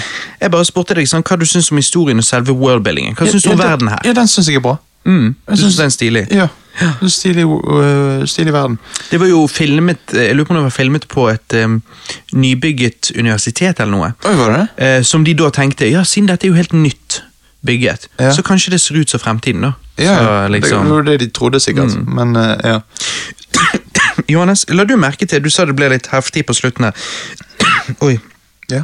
La du merke til den scenen under denne voldelige konfrontasjonen på slutten, når Cæsar og de tar eh, han guvernøren, hvordan de sveiset, sveiset seg eh, inn eh, den metalldøren. Jeg fikk skikkelig sånn Phantom, of, eh, Phantom Menace-vibes av den Ja, scenen. ja, jeg også. lurer på om George Lucas fikk ideen til åpningen av Phantom Menace herfra. Det tror jeg. eh, definitivt. Det ligner jo i hvert fall sykt med den Mm. eh, laseren mot eh, metalldøren. De gjorde det. de gjorde det. Ja. Dette er jo en forferdelig totalitær stat, og man ender jo opp med å heie på Cæsar og de andre apene. Det, det eneste som er trist, er jo at man heier på Cæsar først, sant? men filmen ender jo med at Cæsar blir det han sjøl hatet, så once again, i klassisk Plant of the Apes-tradisjon, så har filmen da en mørk ending. Eller det vil si, filmen hadde en mørk ending. Cæsar holder en dyster tale på slutten, og det endte egentlig med det, men studioet tvang inn mer dialog fra Cæsar, som gjør at halvveis ute i talen så switcher han dønn om, og det hele ender derfor på en relativt confusing måte, der du ikke helt vet om apene tenker å utrydde menneskene eller hva. Nei, og det er det jeg liker. Det er det at det, det, det, det gir det en slags sånn realisme, føler jeg. Fordi at det, da blir det sånn, ok, Men virker ikke han litt schizofren, da? Jo, jo. For først du bare we, We're gonna kill, we're gonna do Og så bare We're not gonna kill. Ja, ja, ja. Og, og liksom, hæ? Nei, men det, det, han, han på en måte Han, han eh, får jo han på en måte til å se sin egen galskap, på en måte. Ja. Mens han holder talen, sant. Og så f- er jo han Han er jo blitt lederen, sant, så alle apene hører jo på han. Sant? Mm. Ehm, Det er sant. det er sant. og ja, og det, Men det på en måte setter opp for en ny film, på en måte. Ja, det var jo derfor de ville det. Ja. Jeg personlig syns denne er mer underholdende enn den forrige, men jeg vet ikke om man kan si at han er bedre. Jeg har alltid likt sånne dystopiske fremtidsfilmer der shit går til helsike, men historien er jo veldig basic, og han er fortalt på en såpass straightforward måte at likevel jeg personlig syns den er underholdende, så kan jeg ikke gi han mer enn Eller Personlig vil jeg gi han seks av ti, men jeg føler at han egentlig fortjener eh, At han egentlig ikke fortjener mer enn fem av ti. Ok, ok. Jeg, eh, jeg gir han en, eh, en Jeg gir han en syv av ti. Fordi at Ja. jeg eh, Jeg er faktisk underholdt når jeg ser denne filmen. Jeg ser hva du mener, og det er derfor han ikke får høyere. Fordi at, ja Han eh, Det er òg noen sånne ja, plotthull, kan du si. da. Eh, men men jeg, jeg, jeg, jeg må jo si at Jeg må jo si at um, jeg, bare, jeg bare syns sluttfighten er på en måte regissert veldig bra. da. Og, Ja. og bare et eller annet med å se ekte vesener på skjermen. Det føles som et teater, ja. Ja, ja. Men, men jeg, det jeg syns det er litt kult. Mm, Eh, Litt refreshing. Så det er, og, jeg på en måte forventet Jeg hadde ikke store forventninger til filmen heller. Nei. Så jeg ble på en måte, på en måte positivt overrasket. Ja. Ja, altså Han er jo mye mer underhold underholdende enn Beneath. Og, Og, det, og Escape. ja, det er bare det at jeg føler Escape um, Men Escape var kanskje litt mer ambisiøs enn han burde være. Han var det. Ehm, ja, jeg bare, jeg bare syns at Conquest virker billigere. Uh, virker uh, Altså, Ja. han finner sted på et lite sted, og, og historien er ganske basic. Men jeg òg syns han personlig er mer underholdende. Jeg bare vet ikke om han um, fortjener å sittes over på en mer objektiv måte. Sant? Altså, men, Nei, okay. ja, men det er noe Men ja. Vi er nå relativt enige, tror jeg, da. Ja. Ja, det tror jeg også. ja, og jeg, jeg, altså Første gang jeg så han, likte jeg han veldig godt. Ja. Nå er det bare det at jeg har sett han flere ganger, og da er det sånn Da er det jeg sitter igjen med litt denne at hmm, han er litt basic, og han er litt straightforward, men Ja, han er jo det, men, Men men, det føler er- jeg alle de oppfølgerne. Ja da. Ja, da. men for å være en av de, så er han det beste. Nei, og så er jo det da Battle for the Planet of the Apes fra 1973. Cæsar ble født i 1973. Han startet en revolusjon i 1991 da han var 18 år gammel, og nå har Cæsar blitt far. Men ellers ser han øh, og konen Lisa øh, De ser ikke noe eldre ut enn de gjorde i Conquest. La oss si det har gått hva? 10 eller 15 år for den saks skyld. Hvordan gikk alle apene fra ingen tale til like god tale som Cæsar på så kort tid? Det er et plotthull, så de ikke De tenker ikke at, at seeren skal tenke på det. De skal bare tenke Seeren skal bare Å ja, ja, ok, nå kan de snakke. ok. Sant? Ja, nettopp. Det det de, Mens det, det gir ikke mening hvis man ser på det objektivt. sånn. Han kameraten til Cæsar her, heter han Virgil eller Virgil? Han heter Virgil, gjør ikke det? Virgil. Ja. Ja. Cæsar, Virgil og eh, McDonald sin bror, eh, han svarte karakteren fra den forrige filmen, her er det, her er det broren hans, da, Okay. eh, skal reise inn til byen igjen for å finne gamle opptak av Cornelius og Sarah. De stopper innom stammens våpenlager, hvor en eldre ape vokter over vå- våpenet. De får våpenet de trenger, etter litt om og men, og når de forlater våpenlageret, sier McDonald's sin bror Eh, han er kanskje gammel, men han er skarp. Og da svarer kompisen til Caesar, han Virgil, eh, som ser ut til å være på samme alder som Caesar, eh, da jeg var en gutt, var han min lærer. Men det er jo fysisk umulig, er det ikke? Hvis dette skal være bare sånn 10-15 år eh, etter den forrige filmen. hvor, hvor, altså, det, det kan jo ikke ha gått så mye lengre tid enn det. For hvor mye yngre er McDonald her i forhold til sin eldre bror da i den forrige filmen? Nei, men hvorfor, hvorfor, hvorfor fucker de opp hele tiden tiden her? i disse Timeline. filmene? Mm. Ja. Nei, jeg vet ikke. De klarer ikke å holde styr på det. Og det er det jeg sier, de, de kan jo ikke ha lært språk på så kort tid. Og han kameraten til Cæsar her, han er vel I don't know, 30 år. Eh, han kan jo ikke ha hatt en apelærer som liten gutt. Det fantes jo ikke apelærere den gang, kun slaver. Og når du tenker på det Og nå, nå, nå, nå skal jeg komme inn på det. Når du tenker på det, så er det ingenting som gir mening med disse såkalte oppfølgerne. Jeg har derfor faktisk konkludert med at disse fem originale Plant of the Apes-filmene er alle i hver sin dimensjon, og ingen henger egentlig sammen. De er ganske like, ja, men det er, de, de er alltid, det er alltid noe som er slightly off, som gjør at det gir mer mening om hver film er fra en dimensjon rett ved siden av den andre, håper jeg å si. Er du klar for litt headcanon, Johannes? Ja, jeg er klar for å bli mindfucked. Planet of the Apes er satt i år 3978.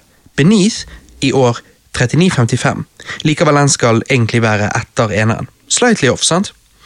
I Escape påstår de å ha reist eh, til jorden 1973 fra slutten på Beneath.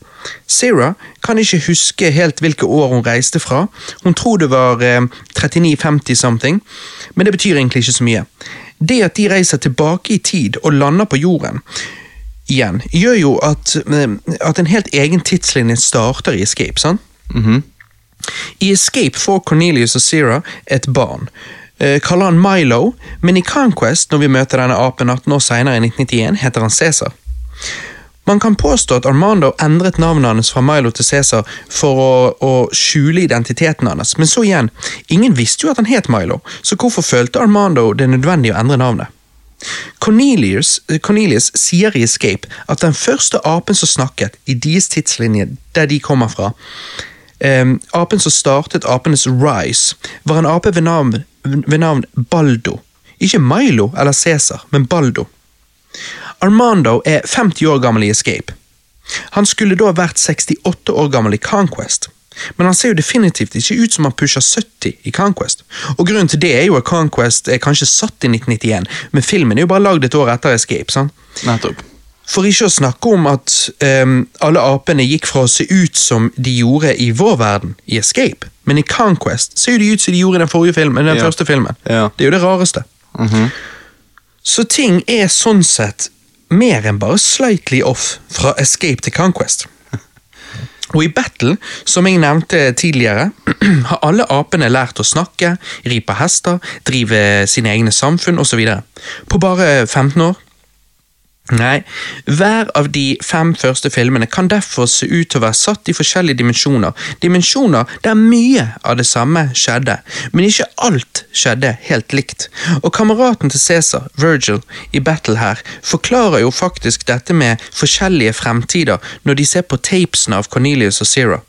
Hvordan tid er som en motorvei med forskjellige avkjørsler, der forskjellige valg fører til forskjellige tidslinjer. Dette er jo bare min egen headcanon, bare ment som en gøy greie, men det gir jo litt mening. Det gir mening.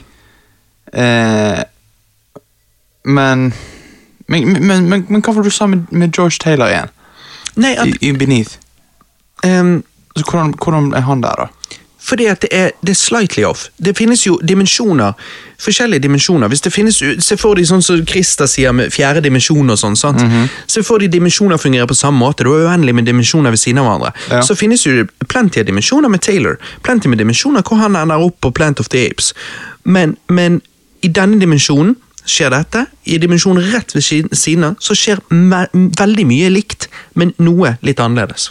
Ja, ok, ok, så da er jo Da er på en måte det uendelig mange dimensjoner der Charlton Heston er i. på en måte. By the way, han som vokter våpenlageret på, påstår på slutten av filmen at han har gjort det i 27 år. Men jeg forstår jo ikke hvordan det kan ha seg, for da må jo det være minst 30 års aldersforskjell på McDonald-brødrene.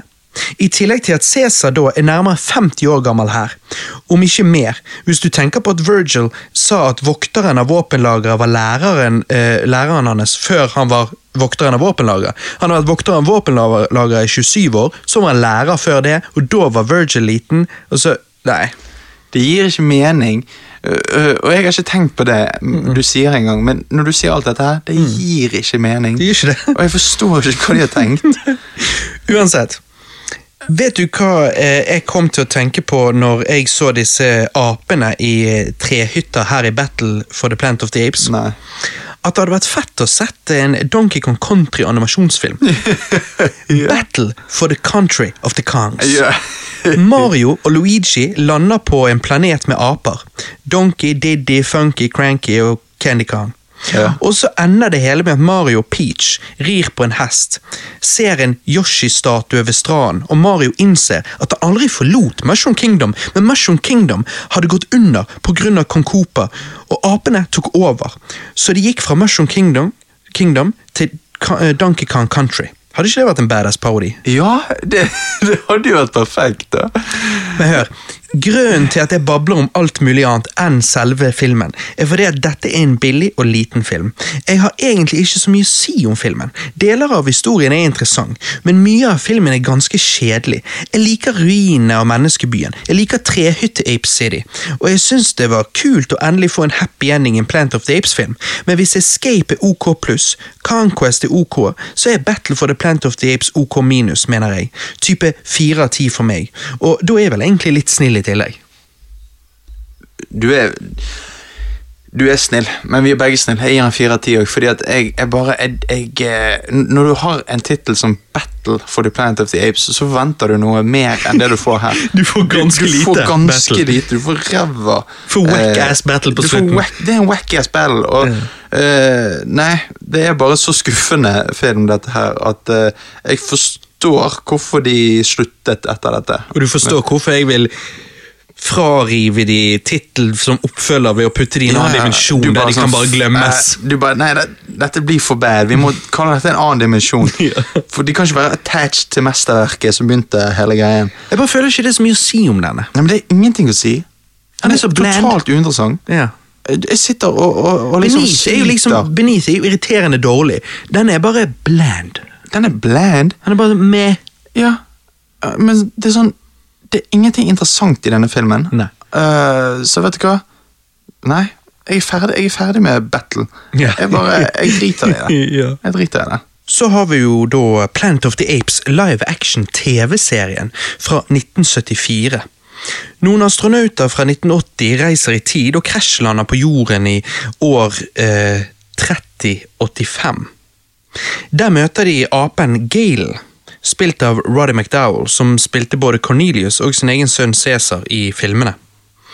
Her åpner de serien på en måte som gjør denne dimensjonsteorien min bare enda mer sannsynlig. Serien åpner med en liten apegutt som jakter på mennesker sammen med hønen sin. I Conquest sa de at alle hunder og katter døde pga. en pest, og at det var derfor menneskene gjorde aper til kjæledyr og slaver. Ergo denne tidslinjen kan ikke samsvare med den i hvert fall. I tillegg til at Dr. Sayes er med her, en ape som egentlig ikke skal eksistere før om 900 år seinere. Og i denne første episoden blir astronautene vist noen gamle historiebøker som avbilder en stilig futuristic by, men det står at bildene er fra 2503. Nesten 500 år etter atomkrigen ødelagte alt ifølge Battle for the Plant of the Apes. Men kanskje det største problemet her i denne serien eh, er at menneskene kan snakke. Så denne TV-serien er mer sin egen ting, og ikke en oppfølger, av, eh, oppfølger til, til noen av Plant of the Apes-filmene. Sånn sett er dette basically en reboot, da. Eller hva tenker du, Johannes? Det er jo en reboot, altså, men, men jeg har aldri, aldri, aldri sett Aldri hørt om noen som har så mye hull i seg som, som eh, Planet of the Apes. Dette er en, eh, dette er en uh, Swiss cheese, det, si. det er en Swiss cheese, uh, og fy faen. Altså eh, Hvorfor føles det som en åtteåring har prøvd å sotte alt dette sammen, liksom? Så ikke har fått det helt til. Nei, si det. Dette er jo Hollywood executives og alt sånt som liksom skal De var ute etter penger. Ja, ja. Ikke, ikke etter å lage god kunst, Nei, nei, nei. Sånn. Eh, jeg syns at eh, skuespillet så som så Ja, ok, for jeg syns jo Roddy McDowell gjør, en- gjør som vanlig en ganske god jobb. Jeg føler at uten han så hadde ikke TV-serien vært så god som Ja, han er. han, han er Han er bra. Eller Og jeg syns han, syns han spiller liksom Gale, syns jeg er skikkelig likende. Ok, ja. Jeg bare Jeg, jeg, jeg ehm, Nei, altså, ja, altså Som menneskene syns jeg er, bra, men, eh, Men du syns ikke Gale er likende? Jo, likende, men, men samtidig jeg bare syns at på en måte man kan se at dette er så billig. At det bare tar vekk litt av oh, ja. performance. Oh, ja. Jeg syns dette ser billig ut. jeg. ja. For det gjør ikke de filmene vi nettopp har snakket om. Jo, de har jo det òg, men dette er sånn Ja, det ser litt mer billig ut enn filmene òg. Ja, På hvilken måte da? Nei, på bare setsene og eh, Bortsett fra det ene shotet når um, når selvfølgelig romskipet har krasjet. da. Det så ut som bare var ut fra en film, liksom. Mm. Ja. Men um, egentlig, ja. Jeg noen setsene var ganske billige i filmene òg. ja. I Battle for the Planet of the Apes. Altså. Jo, jo, der var jo det drit. Ja, og så i Escape var jo de i virkeligheten, så det eller liksom vår altså menneskeverden, så det blir jo vanskelig å si. Da er jo Ikke det bare sett lenger, liksom. Nei, sant, men um, Ja, uansett. Men når du sier skuespilleren, altså Ikke at man kan se det, da, men gorillavillen i serien, Urko, er jo spilt av Mark Leonard, som spilte faren til Spock i Star Trek. Ja, å ja, ja, den? Han er jo en ganske god skuespiller, faktisk. Ja, ja. Det er det vi Men han er gjemt under all denne sminken. Ja, man kan ikke se det, liksom. Nei. Det jeg liker med denne serien, er at vi får gjennom Gale og disse to astronautene, Verdon og Burke, utforske mer av apeplaneten. Akkurat som at jeg syns det hadde vært fett med en Madmax-TV-serie. Det er så mye potensial i både Plant of the Apes og Madmax, siden så mye av verden ikke er utforsket, skjønner du? Ja, det er jo det. Det er jo en verden som er mer å ta av. Altså, for å si det sånn, da. Det er jo så mye der. Det er så mye potensial. Potensialet de ikke utnyttet i filmene, Nei, nei. Det er mye de law. gjør her. det, det er jo sikkert mye law som ikke er på en måte put on the screen. Nettopp, sånn. Og det er jo, det er jo bra. sant? Mhm. De fleste sci-fi-filmer der vi reiser eh, til fremtiden, viser oss ofte liksom mer en, en teknologisk fremtid. Mens i Plant of the Apes, og Mad Max for den saks skyld, så har ting gått til helvete. Og det er noe med det jeg syns er fascinerende. For mange av oss tenker at nåtiden er bedre enn fortiden, så hvorfor skulle ikke fremtiden bli enda bedre? sant? Men det er jo ikke gitt. Det er vel teknisk sett større sannsynlighet for at shit går til helsike i fremtiden, enn at vi blir interstellar, liksom. Ja, og dette går jo tilbake til det vi snakket om på Twilight Zone-casten, når, eh, du, vi snakket om å lage et eh, bomb shelter. Uh, Ja, det er bare til å sitte i Ja, du, altså, jeg hører det. Du, du blir Apene kommer. Ja, men du, du blir jo sakte, men sikkert en uh, doomsday prepper. Ja. Julius, du vet aldri når han slipper løs. Sant? Så Nei da, da- men sant, altså, det, er jo, det er jo plenty av sivilisasjoner på denne jorden som har levd før oss. Ja, ja. Og de har jo falt alle sammen. Hva mener du? Hæ? Altså, hva er det heter De der inka-indianerne? er Ja, de ja. ja, ja, ja. Eh, Roma, altså liksom Ja, ja, eh, ja. Sant Grekerne Ja. altså, sant, med, eh, Når, når pyramidene ble bygget av egypterne altså, Det er jo liksom Det har jo vært sivilisasjoner, og så er de falt. Og, og alle nasjoner Ingen nasjoner er jo kommet for å bli, på den måten at alle nasjoner har jo en, en um, dato, uh, en end date, sant? Altså Ja, ja. Ehm, så det er liksom det jeg mener at denne ideen om Vi, vi er liksom født i en veldig god tid. Og Ja. så har vi da lett for å, å se sci-fi-filmer som viser oss flygende biler, og tenke at ja nei, Det er jo bare fremtiden, liksom. Jeg gleder meg til kan eh, Ja. uh, Hva er det de gjør i Back to the Future 2? Tar på seg en jakke som bare, som så bare passer han, og de putter inn en tablett i mikrobølgeovnen, og så kommer det ut en hel pizza på tre sekunder. Ja, og nettopp. liksom jeg tror jo ikke at det er den realistiske veien. Jeg tror heller det da er mer sannsynlig at, at verden som vi kjenner han òg faller, og så Mm. blir han seende ut på en annen måte en, en annen gang 1000, 10 000, 20 000 år frem i tid. Liksom. Men, ja det, det kan godt hende. ja. Fordi at, ja. Men det liker i hvert fall da Så sci-fi-filmer som gjør det på den måten, at shit gått til helsike, gjør jo at det er interesting å se. sant? At Jeg Verdon og. Burke de kommer fra en bedre tid, håper jeg å si. sant? Mm. Og, og disse menneskene de møter, de kan lære de ting, eller apene, de kan lære de ting, eller du har mennesker som stiller de spørsmål ved hvor de kommer fra. og sånn. Så det er, liksom, Ja. det er mye å utforske. Og, og litt sånn som Walking Dead òg. Mm. Det er liksom når det moderne samfunnet går til helvete, og så ser du uh, på en måte apokalypsen etterpå. Mm. Jeg syns det er mye mer interessant enn en fremtid der alt er høyteknologisk. Og, Og i de uh, dystopiske fremtidsfilmene eller whatever, Ja. Walking Dead og hva er det det da plutselig handler om? Da handler det ofte om grunnleggende menneskelige ting. sant? Moraler og, Mm. ja, og prinsipper, hva man liksom lever etter. Og, Verdier. og- ja, ja, sant. Så jeg, jeg syns det er kult. Da. Ja. Og det er ikke Dette er jo en serie som skal på en måte også være for barn. Da, så han er jo ikke, det er ikke, dette er ikke Walking Dead, men dette er jo Nei, nei. 19, hva, 1974. Men Ja. eh, ja, det som, det som er så genialt med serien her, er at karakterene er på flukt fra myndighetene, og på den måten er de hele tiden on the move, og hver episode blir derfor sitt eget unike eventyr i en ny by med nye folk og nye utfordringer. Så det er jo en litt smart måte å, å lage konseptet da på, tenker jeg. ja, ja jeg, jeg, jeg er jo med, med på den. Og De fleste episodene er jo som jeg sa, ganske mild, eh, og passer fint for barn mellom 10 og 16 år. Men noen av episodene er ganske drøy. I en episode blir jo Burke fanget og torturert. En annen episode handler det om politisk korrupsjon. Så har du en episode om slaveri og menneskeofring. Og så har du en episode eh, der Gale går undercover for å eksponere apenes KKK. Men enda mer interessant er den episoden hvor en pandemi treffer. Folk blir tvunget til karantene, og frykt sprer seg i apesamfunnet, som ikke forstår seg på denne pandemien. Eh, mens Verden og Burke gjør jo. Altså, Før korona hadde dette sikkert vært en episode jeg hadde lett oversett, men nå som vi sjøl lever i en pandemi, så traff jo denne episoden litt mer hjem. håper jeg. Ja, så sant. det at hvert, hver episode er et unikt eventyr, og sånn, det bare synes jeg er også litt sånn interesting. Ja, og det er kreativt istedenfor at alt er en eh, egen på en måte eh, sammenhengende Jo, For da blir det bare bare en lang Plant of the Apes-film. Ja, ja. Som blir dratt ut, og uinteressant til slutt. Mens her kan de ha moralske eh, b- altså, mm. Så du sier tankevekkende konsepter, da, i, i, og noe nytt i hver episode. Og i tillegg for kids, liksom. Ja, sant, så det er en blanding det. På et uh, senere tidspunkt klippet eh, de sammen noen av episodene til fem TV-filmer under navnet The New Planet of the Apes.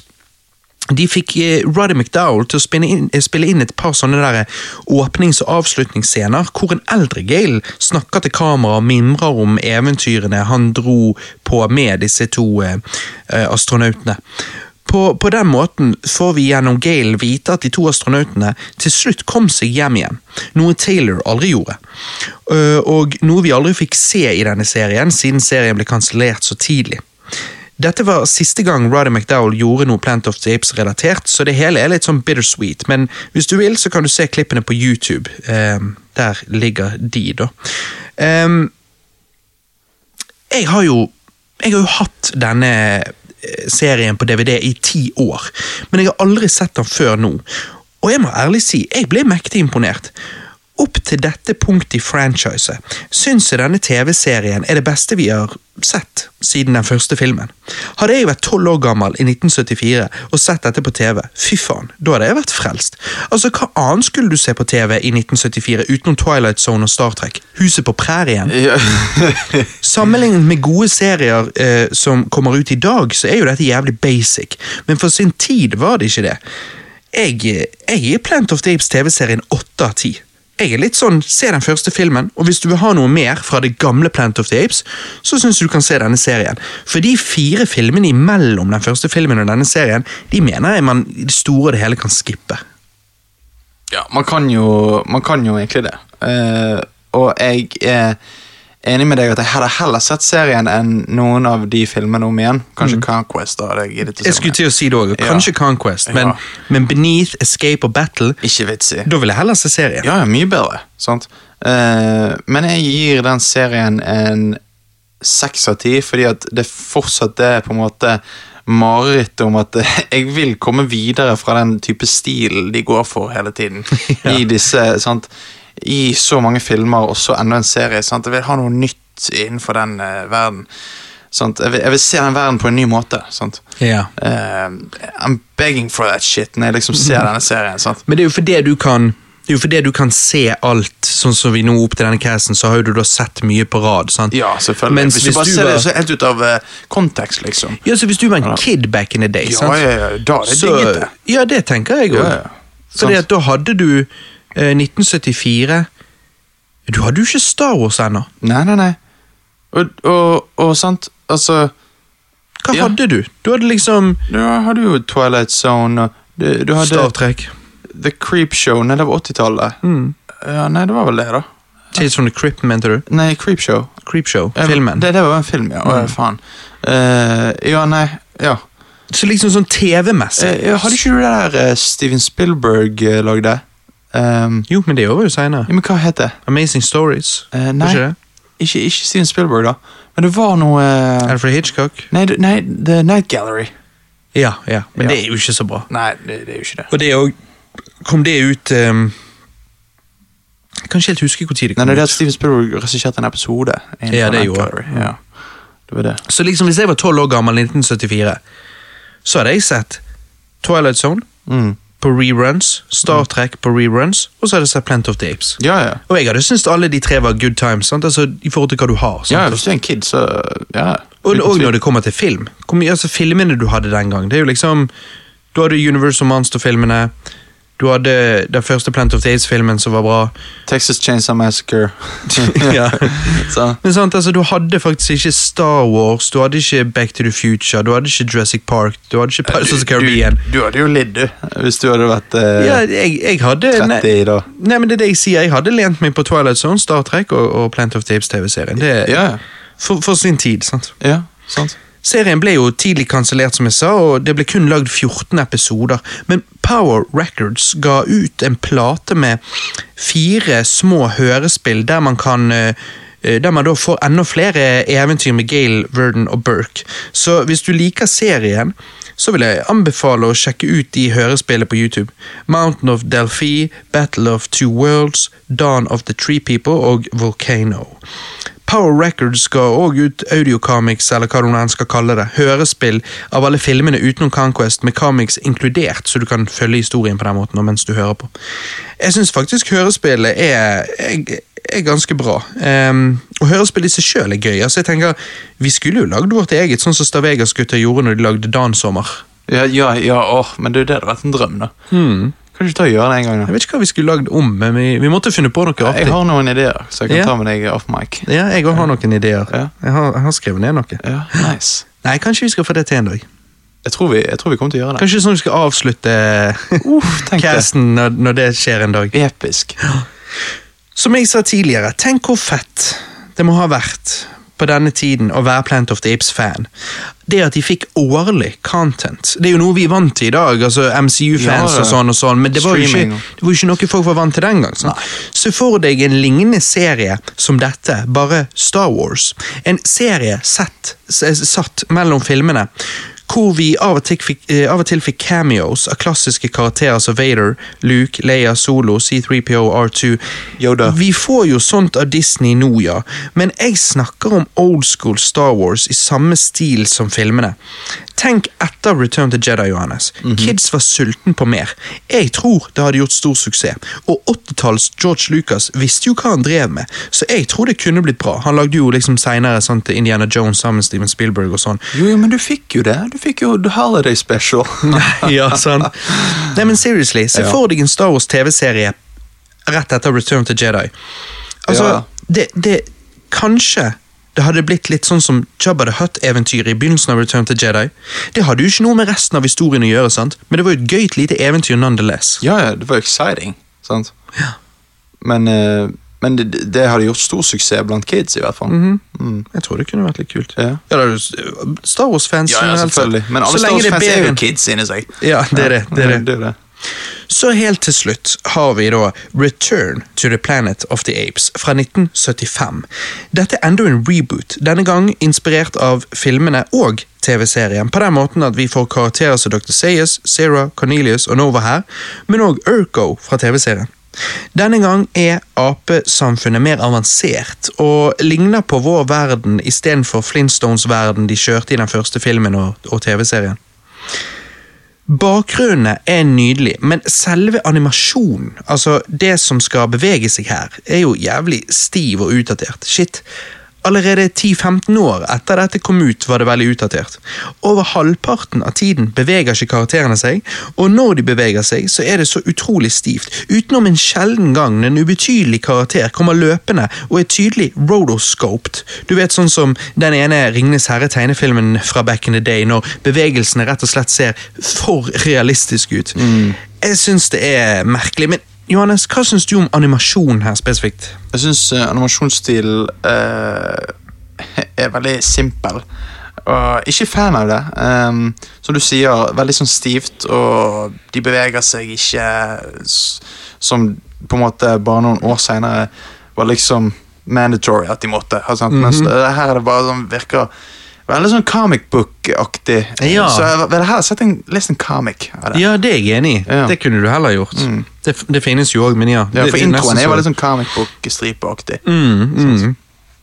Det er jo det er jo litt der at altså jeg er jo litt der at animasjonen er nesten like dårlig i Star Trek The Animated Series, men der er noe i hvert fall pacingen grei, i tillegg til at flere av historiene faktisk er bra. For jeg syns jo at pacingen her er veldig treig. Han er veldig treig. Eh, Du sitter og kjeder deg hele tiden, så dette var jo Enten er jo det tydelig ment for kids.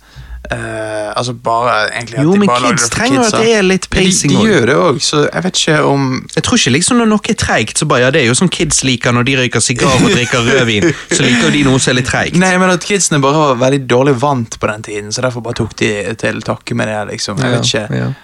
Jeg, jeg føler i hvert fall at han er såpass treig, og det tar i betraktning at med animasjonen, at den er så utdatert, så føler jeg at dette fint kan skippes. Jeg er helt enig. Du, du kan lett skippe det, og eh, jeg eh, Jeg står derfor fremdeles ved at det eneste som virkelig er verdt å sjekke ut når det kommer til gamle deler av dette franchiset, er den første filmen, live action TV-serien og eventuelt hørespillet på vinyl. Hvis ikke du òg føler for å se noe dystopisk eh, liksom her i, i, i Conquest. da. Ja, Conquest. Men altså, alt annet mener jeg man kan ignorere. Ja. Shit, Til og med Power Records sine audiocomics av Beneath, Escape og Battle er bedre enn filmene. Og jo da, Conquest-filmen kan sjekkes ut hvis du har en svakhet for dystre, men billige dystopiske sci-fi-filmer fra 70-tallet.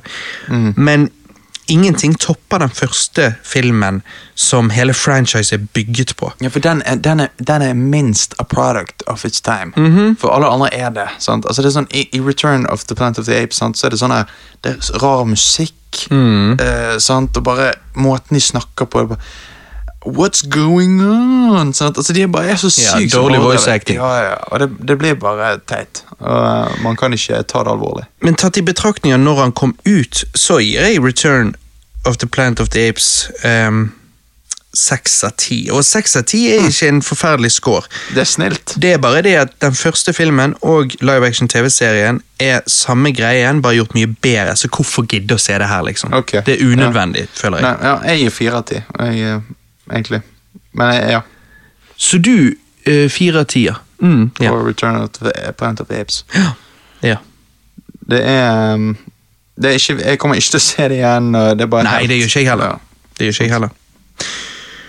Før vi går videre, så vil jeg bare gå tilbake til den første filmen, Johannes. Mhm. Som jeg lærte i 1998-dokumentaren Behind the Planet of the Apes, en dokumentar jeg anbefaler på det sterkeste.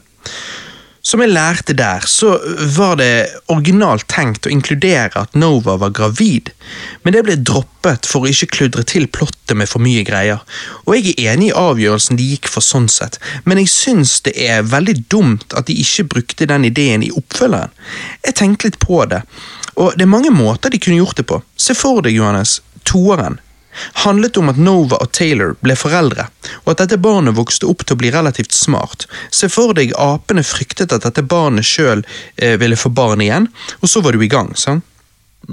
Så det ville vært en historie om salvation, om menneskets rebirth, en historie med mye potensial.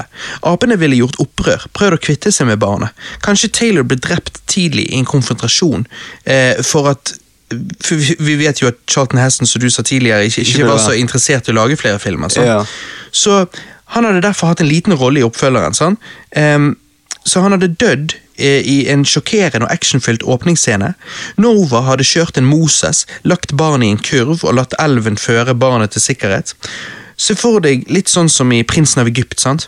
men med en Supermann-vri, eh, der dette barnet vokser opp blant primitive mennesker, skiller seg naturligvis fort ut, vokser opp til å bli en leder, og gjør som Moses, leder sitt folk eh, til bedre steder eh, gjennom The Forbidden Zone med apene i hele. Ville ikke noe sånt vært mye kulere enn det vi fikk? Det hadde vært mye bedre. Men er det noe du kom på sjøl? Ja, basert på, eh, basert på for det første hvordan, hva vi fikk, basert på Rod Serling sine ideer, Ja, så bare Ja, landet det på en sånn, litt sånn Prinsen av Egypt, Supermann-versjon av eh, Plant of Tapes, kan du si. Ja, det hadde vært uh, jævlig fett. Jeg hadde, jeg hadde digget det. uh, mye mer enn det vi fikk. Mhm. Så det er missed opportunity egentlig òg, da. Det er det. Men eh, For det det kunne vært noe. mm, Og, og det kunne vært, eh, det kunne vært eh, tankevekkende ting inni, sant, og Ja. krydret det med det, og Nettopp. det hadde vært en så mye bedre oppfølger. Ja, det hadde det. Men uh, det er derfor det eneste som er verdt å egentlig følge med på, er originalen. Ja. Ja. Det er det man virkelig kan anbefale. Alt annet er litt sånn her, ja, du kan hvis du sånn, Sant. du kan hvis du sånn. Men det man kan anbefale til alle, er originalen. Ja, og så vil jeg si at liksom, hvis du liker original veldig godt, og du liker verden, og du liksom du har lyst på mer i For det, at, sant, Du sier jo at du ble litt lei etter hvert når du kom til live action-TV-serien, men, men jeg sier jo da til en som ikke har sett dette Hvis du liker Plant of the Apes, og du likte den verden du fikk i den originale filmen, og du har bare lyst på mer, så ikke tro at du vil få bli tilfredsstilt gjennom de filmene. Da tror jeg heller det er bedre å hoppe til live action-TV-serien, for da får du mer av den verden. Sant? Det var det du ville ha. For det, der, der, der er det i hvert fall noe å hente. I film, opp, Yep. filmoppfølgerne er det ikke noe å hente. Ingenting. Etter 25 år tok Tim Burton og forsøkte å gjenopplive franchiset med Planet of the Apes-remaken i 2001. Både fans og kritikere hatet filmen, men er han virkelig så dårlig for så folk skal ha det til? Altså Som en remake av 1968-klassikeren, så er jo han nesten dårlig. Det er tydelig at nesten hele filmen er skutt i et studio, noe som får filmen til å føles mer som en dyr TV-film enn noe stor Hollywood-kinofilm.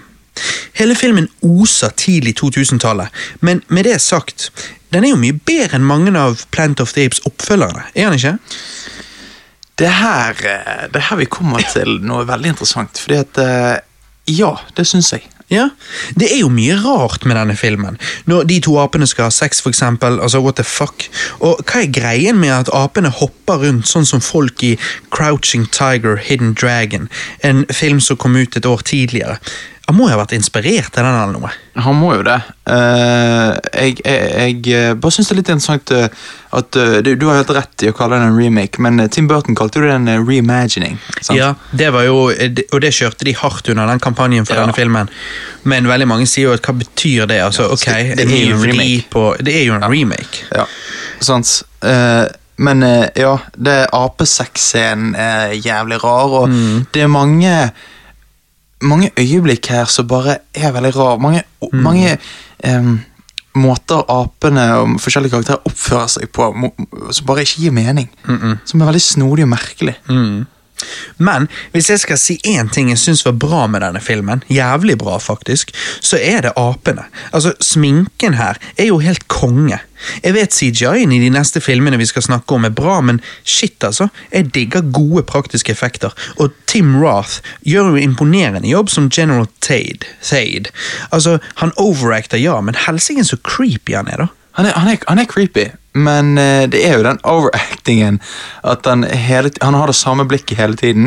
Og han, han har det samme tonefallet uansett hva han sier. Han er alltid forbanna. sant? Så det er jo en veldig sånn stale character. Men han er jo Han, er jo, han, gi, han gir jo alt han har. Han gjør jo det. Ja. La du merke til faren hans, han som dør i den sengen? ja. Jeg vet ikke hvem det er. Nei. Charlton Heston. Og det er han? Ja.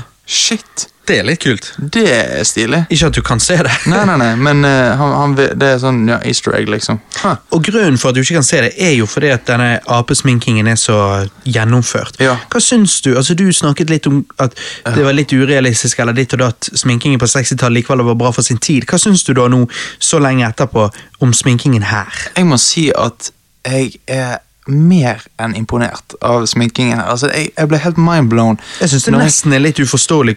Altså, jeg jeg er nesten litt sånn sånn Hvordan i helvete gjør du det? Mener, det, Det er har jo, liksom- jeg, det er jo en sånn running joke på, på internett at eh, ja, de brukte så mye penger på sminken i denne filmen at de ikke hadde råd til en god historie. Nei, og det er liksom det at Jeg ser jo det her at det, det aspektet med filmen er perfekt. Altså, sånn, Ja, det er faktisk perfekt. Ja, det er ingenting dårlig jeg kan si om sminken. Den Nei, er- det, og det er ingenting de kunne gjort for å gjøre det bedre. Nettopp. Spesielt på 10 hun, hun dameapen som jeg ikke husker hva navnet var på.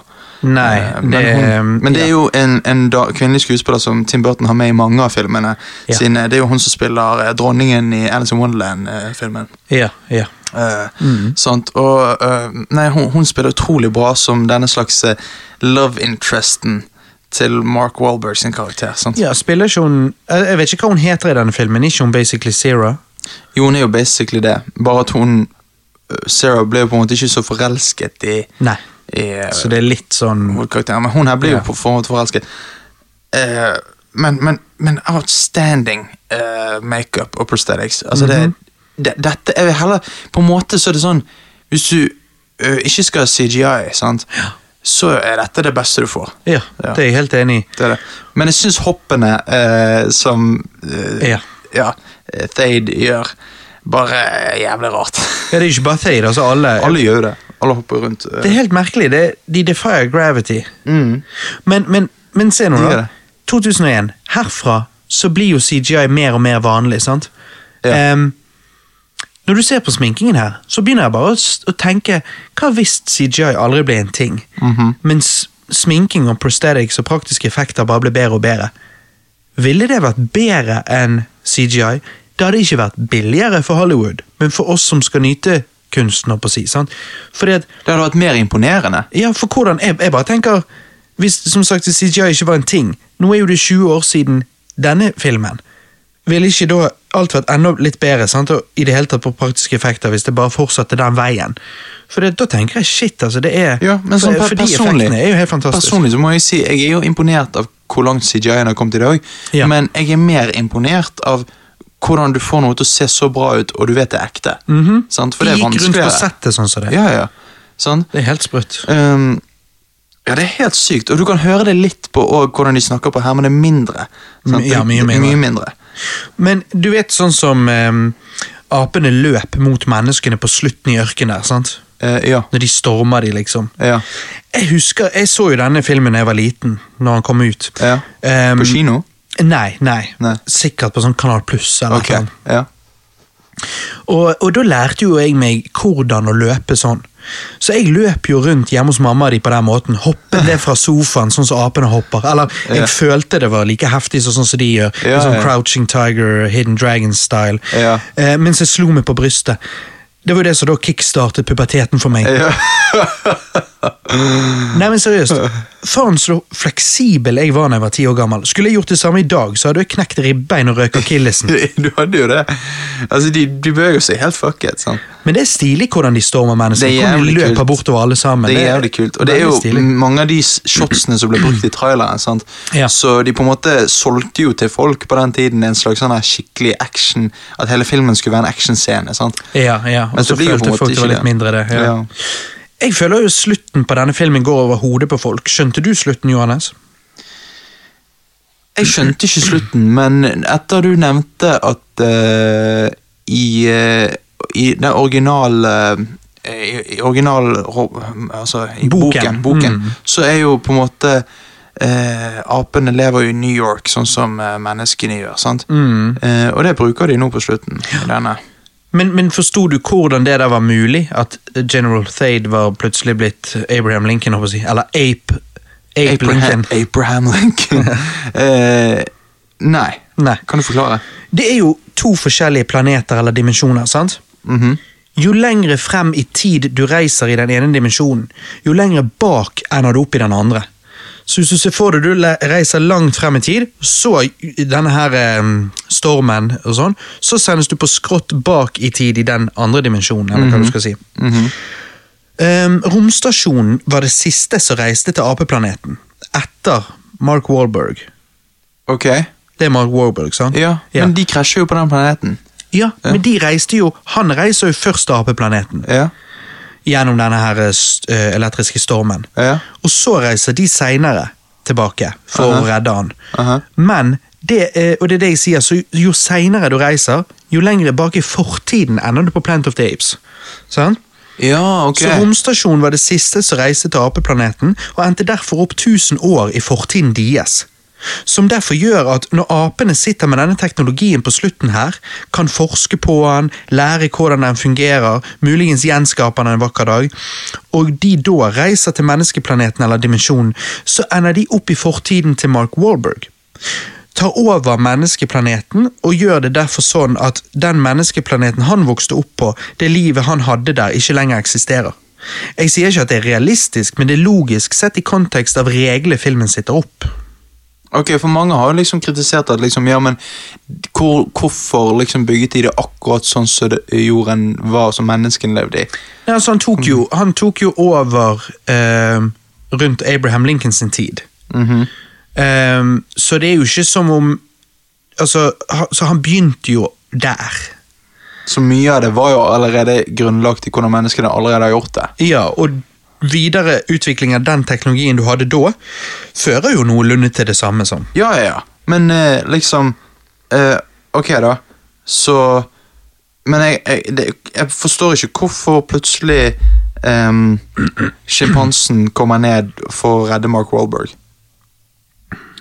Eller, eller han Nei, nei. den eh, er jo eh, heller ikke helt klar for meg om, eh, om han var bare støkk lengre i den elektriske stormen, eller hva. Ja, det er det. Ja. Men eh, Men, men ja. Jo, nei, nei, nei. Nei. Nei, nei, nei. Ja, for han apen, Mhm. som Han er jo den første som reiser inn i den elektriske stormen. Ja. Han kommer jo derfor um, Nei, da skulle han kommet lenger tilbake. Ja. Nei, så den er litt sånn Han må bare vært stuck i den elektriske stormen Ja. litt lenger. da, eller sånt. feil eller sånt. Ja, jeg vet ikke. Men jeg syns skuespillerne er relativt gode. Pacingen her er super, og historien er jo ganske spennende. Altså, Apene ser som sagt helt fantastisk ut, vil jeg si. Og alt i alt syns jeg det er mye underholdning å finne her. Dette er ikke en verdig remake, på den måten at den er helt unødvendig. 1968-filmen er en tidløs, tidløs klassiker, men denne 2001-versjonen er likevel ikke så dårlig som folk skal ha det til, syns jeg. For meg blir dette en god sånn guilty pleasure-film. En rar film i Hollywoods historie, um, men underholder for det han er. Og personlig gir jeg denne syv av ti. Det er ikke en god film, men han hadde potensialet til å være det. Filmen vi fikk var teit, men gøy, og apene stjeler showet. Jeg syns de er badass. Og endingen får jo en til å få litt lyst på en toer. Eller er det bare meg? ja, altså, jeg, jeg har lyst på mer filmer med den apemakeupen. Det er jo det jeg, jeg merker jeg vil ha. Eh, og med de samme karakterene. Sant? Mm. Um, men jeg må jo si at Mark Wahlberg sin karakter Mm. eh, dette, ikke, dette har ikke noe med liksom, hvordan Mark Wahlberg acter, det er jo bare hvordan de har skrevet karakterene hans. Mm. Det er jo den mest kjedelige karakteren i movie history. Ja, han er bland. Altså, han er jo han er jo så bland, og han har jo ingen personlighet. Du føler ikke du kjenner denne karakteren. Han er jo bare der for å få historien videre. Han er ingen Charlton Heston. Nei, sant? Um, jeg syns at hun eh, menneskekarakteren som han ender opp med å kysse eh, helt Ja. på slutten eh, Nova. Ja, Nova. Hun blir i bakgrunnen og helt sånn misplaced. Ja. Og, uh, bare helt unødvendig. Um, han har orangutangen som er med de. Ja. Han er bare jævlig creepy. I begynnelsen, altså, Jeg begynner å lure på liksom, er han pedofil. Altså, hele, I begynnelsen så sier han 'sjekk hendene på den eh, knøtten der'. Yeah, yeah, that's nice. Altså, Sier det der. Det er han som selger menneskeslaver. Ja, Så han bare har en ting for mennesker. ja, ja. si. Men så liksom Ja, men så Han er creepy. Han er jævlig creepy. Eh, ser ut som jeg, tro, jeg trodde det var Ben Stiller som spilte han eh, først, for han ser litt ut som Jeg kan se det. Ja, sant. Så hvis Ben Stiller var en ape og ble slått hardt i trynet Ja, så av en gorilla, Ja, så da det du hvordan han ser ut. Ja, Ja. sant. Um, men også liker jeg den scenen der uh, hun um, Åh, faen at vi ikke husker navnet på henne, men liksom Sarah i denne filmen. Ja. da. uh, når hun skriver uh, sånn dagbokgreie, men hun skriver med føttene, da. Ja, ja. Det er litt sånn kult. Og jeg, jeg liker at man, man kan se at dette er en Tim Burton-film. Ja, det kan. Eh, så det er på en måte hans hvis, hvis Tim Burton skulle lagd en Planet of the Apes-film, og, og det var det vi fikk sant? ja, han sa jo det sjøl. Reimagining. Reimagining. Jeg må si at uh, actionscenen på slutten er utrolig fet. Ehm, og ja, jeg bare, det er ape makeup, og mye av dialog, dialogen er kul. Jeg liker når eh, hun eh, kvinneapen er vulnerable, hun ser opp til Mark Wahlberg. Sant? Og, eh, han sier at 'jeg ville ikke tatt deg med til jorden min', liksom. De hadde sikkert forsket på deg, og sånn. så sier hun 'you protect me'. Sant? Det, sant? Det, det, er ikke ofte vi får femininitet pre presentert på den måten i dag. Det er jo litt refreshing å se. Så du får det gjennom en ape? Jeg får det gjennom en ape, og det var litt deilig. Og samtidig må jeg si at det, det høres jævlig rart ut. Ja? Men det er et eller annet med henne som gjør hun litt fin. Ja, nei da, det er Sånn noe. du skjønner hva jeg mener? Ja, jeg skjønner hva du mener. Selv om det er litt rart. Ja. Ikke veldig, men litt, ja. Litt, litt. Um, Det er jo men- et menneske under der, Det så det er jo det som gjør det, kanskje. Det er jo det. Nei, jeg har gitt den. Det var litt rart at Jeg trodde du skulle roaste meg for at jeg gir denne seks av ti, men du ga den syv av ti. jeg ga den hakket over. Ja. Og, det, og det, jeg har vært veldig nøye med scorene mine her, fordi at um, jeg prøver å passe på at jeg rangerer de riktig, kan du si. Mhm. Så når jeg gir han syv av ti, så er det fordi at jeg hadde heller Jeg syns originale live eh, live action TV-serien er bedre. Men eh, hvorfor gir jeg han syv av ti? Jo, for jeg gir han over Beneath, Escape, Conquest, Battle. For jeg synes denne er, jeg, jeg ser heller denne igjen enn de. Ja, ja, men det er fordi denne, altså pacingen her er veldig bra. Uh, altså Det er god pacing og sånn. Det eneste er at dialogen og eh, hvordan menneskene eh, Altså menneskekarakterene De burde vært skrevet bedre. Ja. Og det er derfor jeg sier at apene stjeler showet. Nettopp.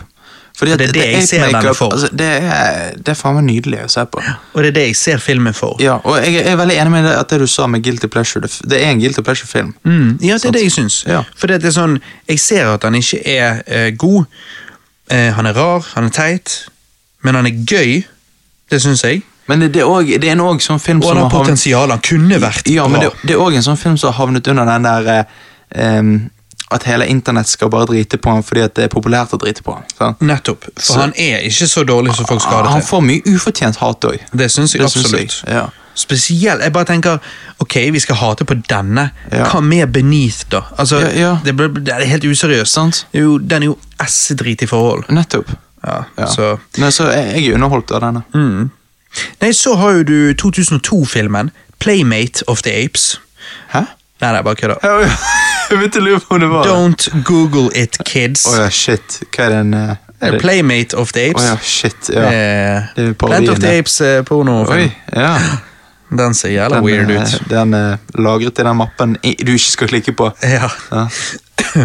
Nei da, men da er vi kommet til Rise of the Planet of the Apes fra 2011. Shit. Ti år etter Tim Burton-filmen. Mm.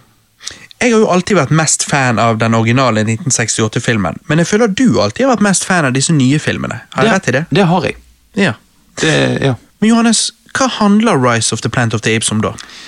Rise uh, of the Planet of the Apes. Eh, det er jo Lang en, tittel. Det er en lang tittel, eh, men jeg digger det. Um, altså, dette handler jo om eh, Dette handler om eh, altså James Franco, eh, som eh, ja, er hovedpersonen her. Og han eh, og, og Caesar, da. eh, sant? Og, og eh, hvordan jo eldre Caesar blir, så blir jo han mer farlig for society. sant? Eh, de, han må puttes vekk i, et, i en zoo. sant? Eh, Fordi at han har vært hvor? Uh, hæ? Hvor har han vært da? Uh, hos, hos James Franco hjemme hos seg. Ja, hvorfor det? Uh, fordi at han har tatt vare på han uh, siden han var eh, ung. Og hvorfor har han gjort det? Eh, ja, det har jeg glemt. Hvor, hvordan får han den egentlig? Han jobber jo med Alzheimers eh, medisin. Han prøver å utvikle det. James Ja. Franco. Ja. Og så er jo Cæsar eh, i, um, i denne laben så James Franco jobber. Ja for, ja, for helt i begynnelsen får vi se noen aper i Afrika bli tatt til fange, sant? og så eh, sendt til det, ja, Til den laboratoriet. og den Ja. der prøver de å utvikle medisin som skal Nettopp. hjelpe mot alt og sånn. Ja. Og så er jo det det at eh, det skjer en ulykke i laben, uh, de vil avlive disse her. Um, Bright Eyes, som da er den som lagde trøbbelet der, eh, som er jo da en throwback til, for det var jo det de kalte Taylor i originalen. Mm. Ehm, så de avliver alle de, og så viser det seg at grunnen til at Bright Eyes lagde trøbbel i laben, var jo fordi at, ikke fordi hun var hissig på menneskene, men fordi at hun prøvde å beskytte det at hun nettopp hadde fått et barn, Ja.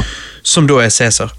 Og eh, da sier han som jobber på laben, at eh, han sier til James Franco at eh, har, nå har jeg avlivet alle disse tolv apene, eh, og så fant han denne babyen, forstår på hva det er som egentlig har skjedd, og da sier han at jeg orker ikke mer. Men, eh, og da sier James Franco hva skal jeg gjøre da? Han bare nei, jeg vet ikke, men her i hvert fall så ligger han liksom den sprøyten som James Franco da kan avlive Cæsar. Eh, men han klarer jo ikke å gjøre det. Og, og tar med seg hjem eh, Ja, istedenfor. ja nå, nå husker jeg det. nå husker jeg det, ja. Og dette er jo fordi at James Franco bryr seg veldig om dette prosjektet med, med denne Alzheimers-medisinen, fordi at faren hans har Alzheimer. Han har Alzheimer. så og han vil jo redde faren Han vil redde faren. Og, eh, og, og det er veldig interessant å, å, å se det mellom faren og eh, James Franco. Sant? Og, og eh, ja Og så, får jo, så tester jo James Franco denne medisinen På på, Caesar. Caesar, og det er derfor Ja. Caesar blir eh, han, For han har jo ikke Alzheimer, så han ender jo opp med å bli veldig intelligent. ja, han blir superintelligent. sant? Og jeg, jeg var jo ikke klar over det før jeg gjorde research for denne casten her, men Charlton Heston eh, fikk eh, Alzheimers, noe som påvirket han sterkt de siste årene av livet hans. Oh, og jeg lurer på om det var det som inspirerte de til å gjøre Alzheimers til så stor del av denne ja, filmen. det vil jeg tro. Det Jeg vil vil jeg tro. tro det.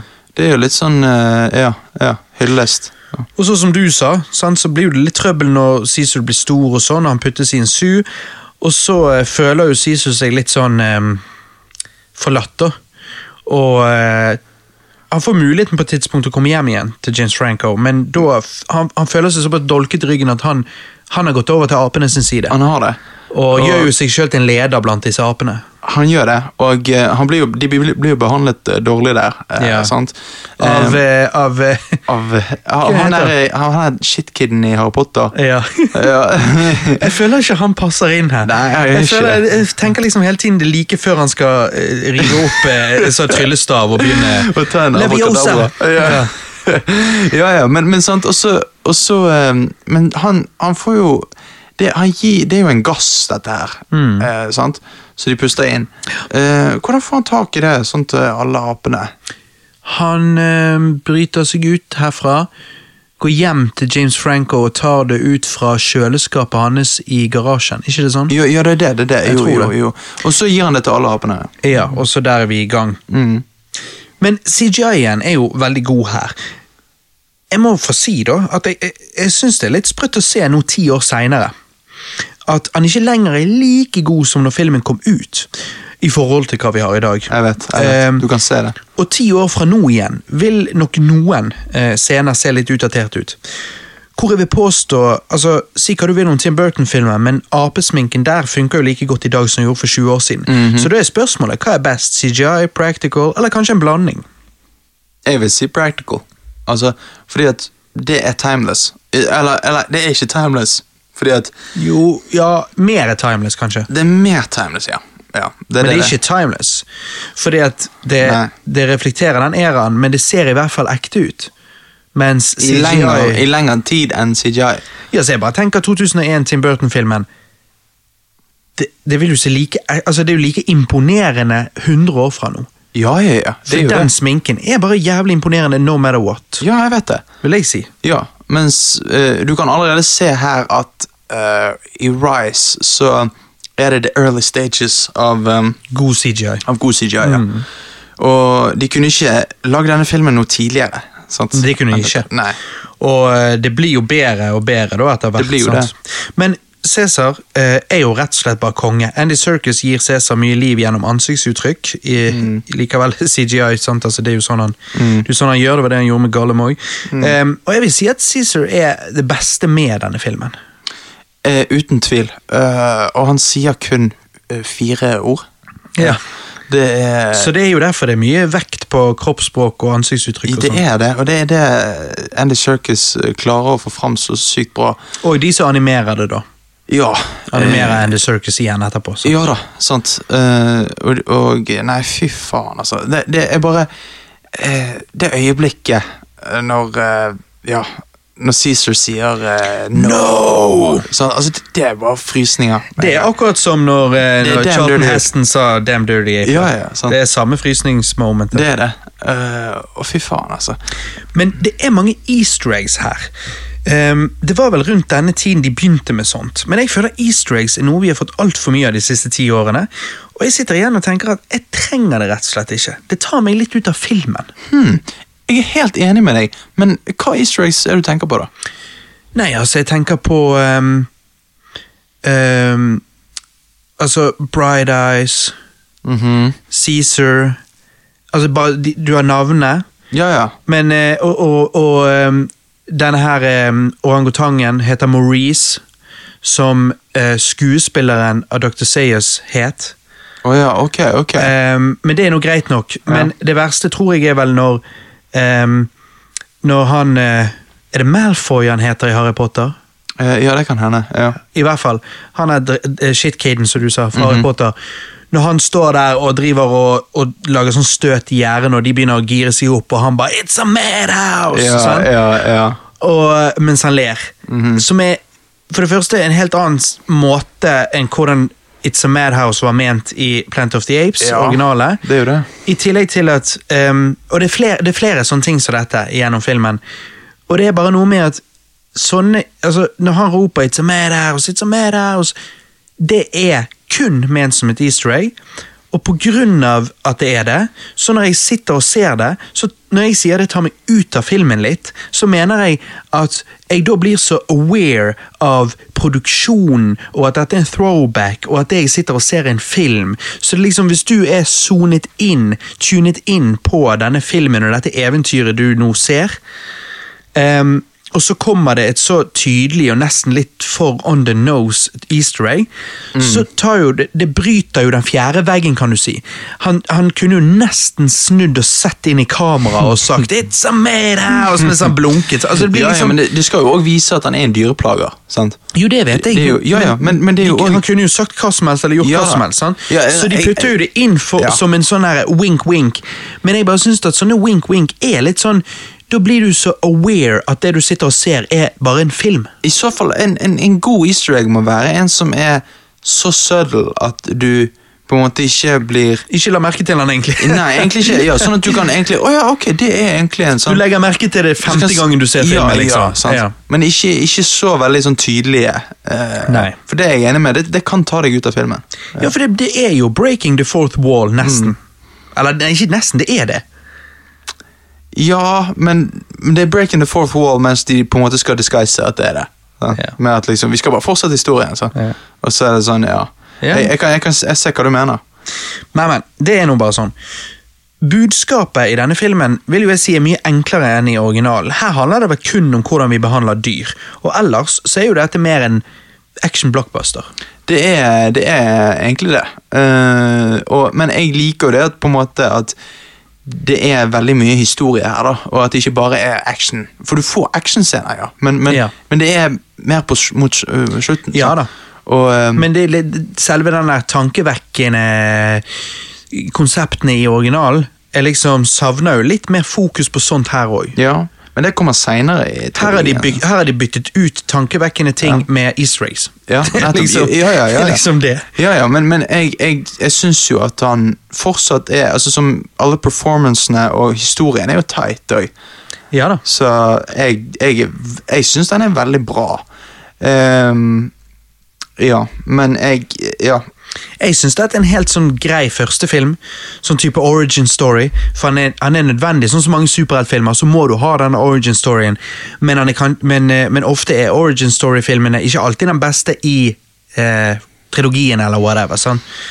Ehm, så ja, han er grei. Han er en nødvendig origin story, men eh, jeg kan ikke gi han mer enn en svak syv av ti. Filmen er ganske urealistisk til tider, som eksempel når Cæsar gjør eh, de andre apene som du sa, smart over natten. ja. For han ble jo det heller ikke over natten. Men Nei. uansett. Um, jeg syns de som sagt er altfor lite diskré med disse easter eggsene. Filmen mangler dybde. Som i at det ikke er så mye det, Ja, det er fokus på dette med, med hvordan vi behandler dyr, men utenom det så er det ingenting andre temaer, da. Og, Men en, en film må jo ikke ha dybde så lenge den er underholdende. Ja, må ikke, nei. Men nå snakker jeg om hva som gjør en film enda ekstra god, eller whatever. sant? For deg. Ja, men ikke det det du syns det, ikke det en av tingene du syns det ekstra, gjør originalen ekstra bra, da? At den er Jo, de thought-provoking? gjør ekstra bra, men jeg er sånn Jeg kan bare sette pris på en film som purely bare har en historie for å underholde deg. Ja, ja, jeg òg Ja. kan bare se eh, Die Hard, men liksom Det betyr jo ikke at en god actionfilm som òg er litt thought-provoking, og har liksom et par ekstra layers, da blir ekstra bedre enn den andre. Nei da, men, men, men ja. Så jeg, jeg er enig med at denne filmen har ikke det. Nei. Nei. Og det er jo det Plant of the Apes-franchise er på en måte kjent for. Det var jo sånn det startet, i hvert fall. Så jeg bare synes det er litt rart at når de rebooter det her, at ikke de har litt mer sånn. Men Um, Og så sitter jeg igjen med bare litt sånn at hvem er det vi egentlig skal heie på her? For at menneskene er jo ikke the good guys, obviously. Men apene er jo heller ikke the good guys. Jeg føler at uh, alle i denne filmen er egentlig bad guys. Og slutten Menneskene kommer jo ikke til å bare la apene være i Redwood. Så jeg vet ikke. Jeg syns Rise of the Planet of the Apes er helt grei, men ikke noe spesiell. Så ja. ja, svak syv av ti, som okay. jeg sa. ja, jeg eh, Ja. Men hva er det Jeg heier jo på Cæsar og gjengen. Jeg gjør jo det, for Ja, de blir jo behandlet som drit. Ja, av han der idioten, ja. Ja, de nei, ble jo ikke og, det av og de blir eksperimentert på alt dette greiene her. sant? Det er jo ting som ikke er bra å gjøre. Vi Nei, aksepterer det men med det, er jo ikke sånn, det betyr jo ikke at mennesker, alle mennesker er sånn. James Franco er li, eh, elsker da. jo Cæsar. Ja, ja da, jeg vet det. Ja. Men, men eh, på en måte at, at det går utover society, ja. Men eh, at de, du vil jo se at de kommer seg ut fra der de er. Sant? Ja da, men så driver jo de bare og wreaks havoc. Sant? På, Eh, ja, på. Golden Gate Bridge og Ja, nettopp. driter i hvem det er de dreper. Ja, ja, men det er fordi de er first animals, sant? Så det bare, og det blir jo bare dramatikk, men det er sånn Jo, men det er derfor jeg da ender opp med at du sier at menneskene var ikke greie med de, og så var ikke apene greie med andre mennesker igjen, som ikke hadde gjort de noe. Så blir det litt sånn at ja, alle er egentlig litt bad guys. Altså, ja, det, det ikke det, liksom, Du kan si det er en slags katastrofefilm, liksom. Ja. At, eh, ja. Ja. Så egentlig alle er jo Som var noe folk digget i 2011-2012. Det var jo av en eller annen grunn eh, the hot eh, thing hot den topic, gangen. Nei, men det er jo det at det er på en måte ikke eh, Det er ikke en eh, Du skal ikke på en måte holde på en side, du skal egentlig bare observere, fordi at de er fortsatt dyr som er veldig intelligente, som er blitt veldig intelligente, men de er fortsatt de er fortsatt dyr som ikke har moraler på den samme måten. Men det har de i neste film. Ja, for de utvikler seg, sant? Og Ja. ja. Det Så- blir tydeligere grenser. Nettopp. Så jeg syns det er lettere å heie på en side i de neste filmene, men i denne første Mm. Så ser jeg liksom sånn at ja, pff, altså, det er ingen helt her, på en måte. Det er jo ikke det. Uh, men jeg, ja. Det er bare en Jeg- Jeg må jo si at eh, når de kommer i The Redwoods sant, og møter Franco igjen sant, og Franco prøver å overbevise Cæsar en siste gang til å å liksom stoppe dette. Eh, han sier 'Cæsar is home'. Sant, Mm. alt eh, det, det er en kul scene. Veldig bra acted. Men hva gir du denne filmen, da? Nei, jeg gir han en jeg gir han en åtte av ti. Mm. Jeg gir det. Uh, men det er det er den jeg liker uh, minst ut av eh, denne prequel-trilogien. Ja. Ja. Nei, men Da er det bare til å gå videre til Dawn of the Planet of the Apes fra 2014. Det har nå gått hva, ti år? Mesteparten av menneskeheten har dødd ut, og apene lever i fred helt til noen av de overlevende menneskene snubler over dem. Dette sitter i gang et plott hvor det oppstår krig mellom apene og menneskene sakte, men sikkert. Jeg vet åpningen her er ment å være skummel, med nyhetsklipp av denne pandemien, men for oss i 2021 så er jo det sånn nyhetene ser ut daglig, så jeg syns ikke egentlig det var så skummelt. Um, som jeg sa tidligere i dag, virkeligheten er ikke egentlig så veldig annerledes enn fiksjon. Fiksjon er bare en litt annen vri på problemene vi står overfor i virkeligheten. Ja, ja, ja. Det, det er jo egentlig det. Det er vittig. Den forrige filmen var jo litt som en remake av Conquest, hvis du tenker på det. Mens dette er jo litt som en remake av Battle for the Planet of the Apes, på en måte. Ja, basically. Bare en hundre hundre ganger bedre. Ja. Den første halvtimen av filmen er det jeg likte best med filmen. Super pacing, kjempespennende, mens resten av filmen er fremdeles spennende, bare at pacingen er mye treigere, da vil jeg si.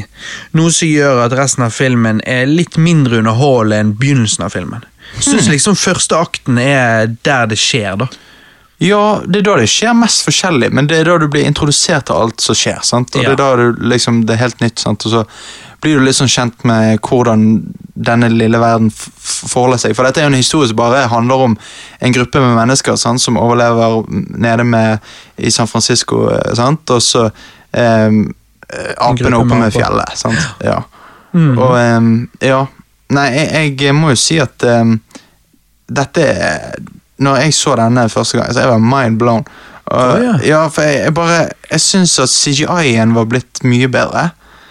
Jeg, jeg merker ikke hoppet der egentlig okay. før den neste igjen. Ok, ok. Ja. Ja, jeg syns i hvert fall er det, og bare Ja. Nei, altså, jeg Jeg, um, eh, jeg syns CGI-en ikke er så veldig annerledes, eh, men det er sikkert et, en, eh, eh, em, en positiv økning her. Men jeg syns det gjør seg enda tydeligere i den neste. da. Men, mm. men eh, nei, denne filmen er jo bedre enn den forrige på alle mulige måter. Eh, de eneste negative tingene eh, med denne er at den er litt treig, i tillegg til at man skjønner eh, litt hvor handlingen går lenge før det skjer. Altså, det er vel ingen av oss som ser denne og tenker at Hva er det Kubo han heter? Uh, Koba. Koba, ja. Eh, Kubo and the two strings.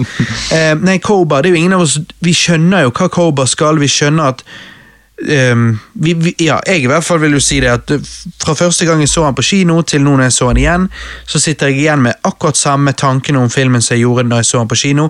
Jeg, jeg føler jeg vet hvor vi skal hen, og liksom sånn, og det at da, det, uh, pacingen er litt sein, uh, så gjør det at eh, Ja, at jeg opplever, Ok. jeg opplever han som, som litt treig, da.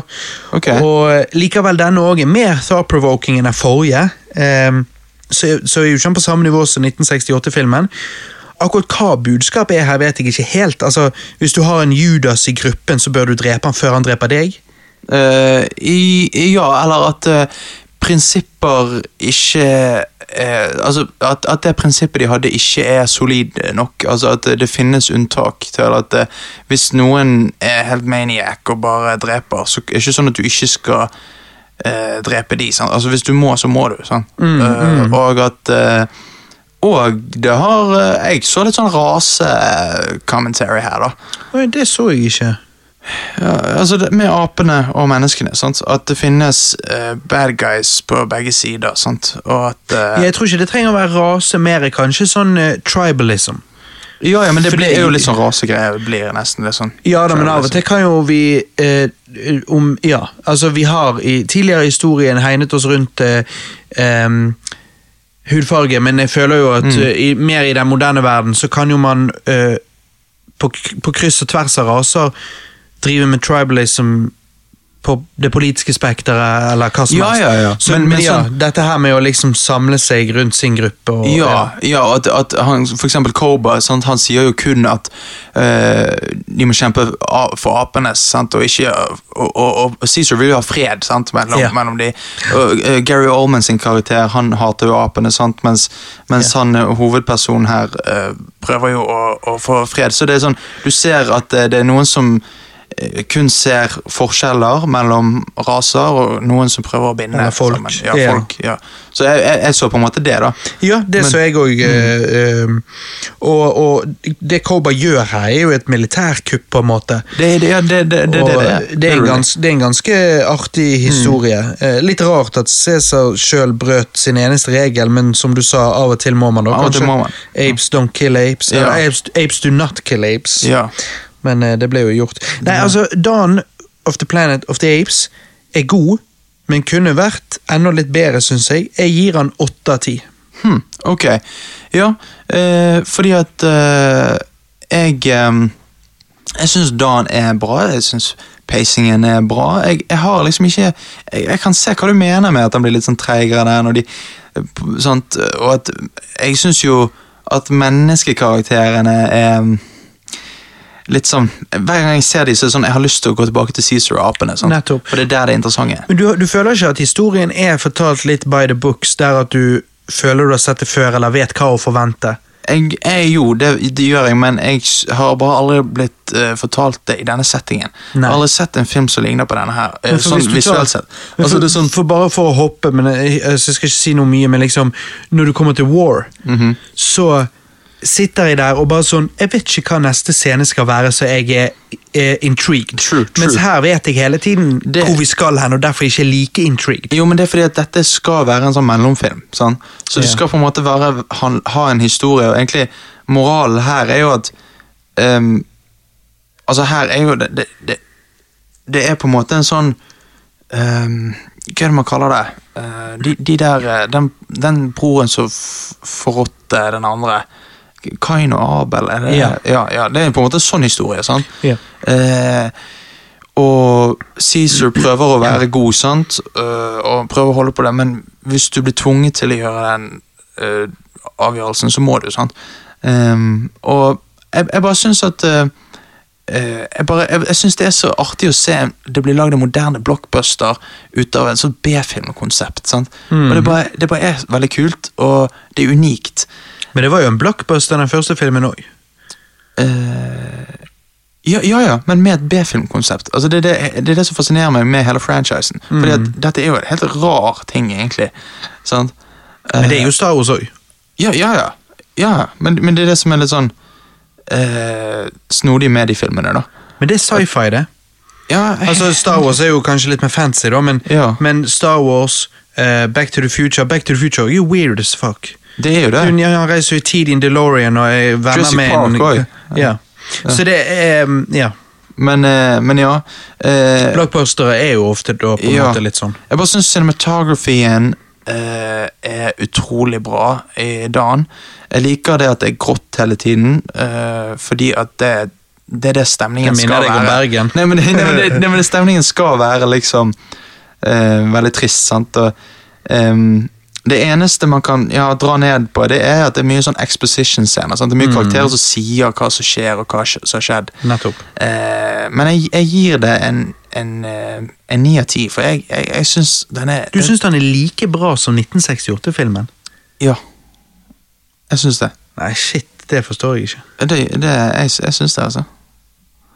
Jeg, eh, jeg, jeg digger jeg Du sa jo sjøl, du sa det sjøl. Hva, jo, men hva var det du sa nå var negativt? Du sa exposition. Mm. Mye exposition. Og at uh, menneskekarakterene kunne vært litt mer interessante.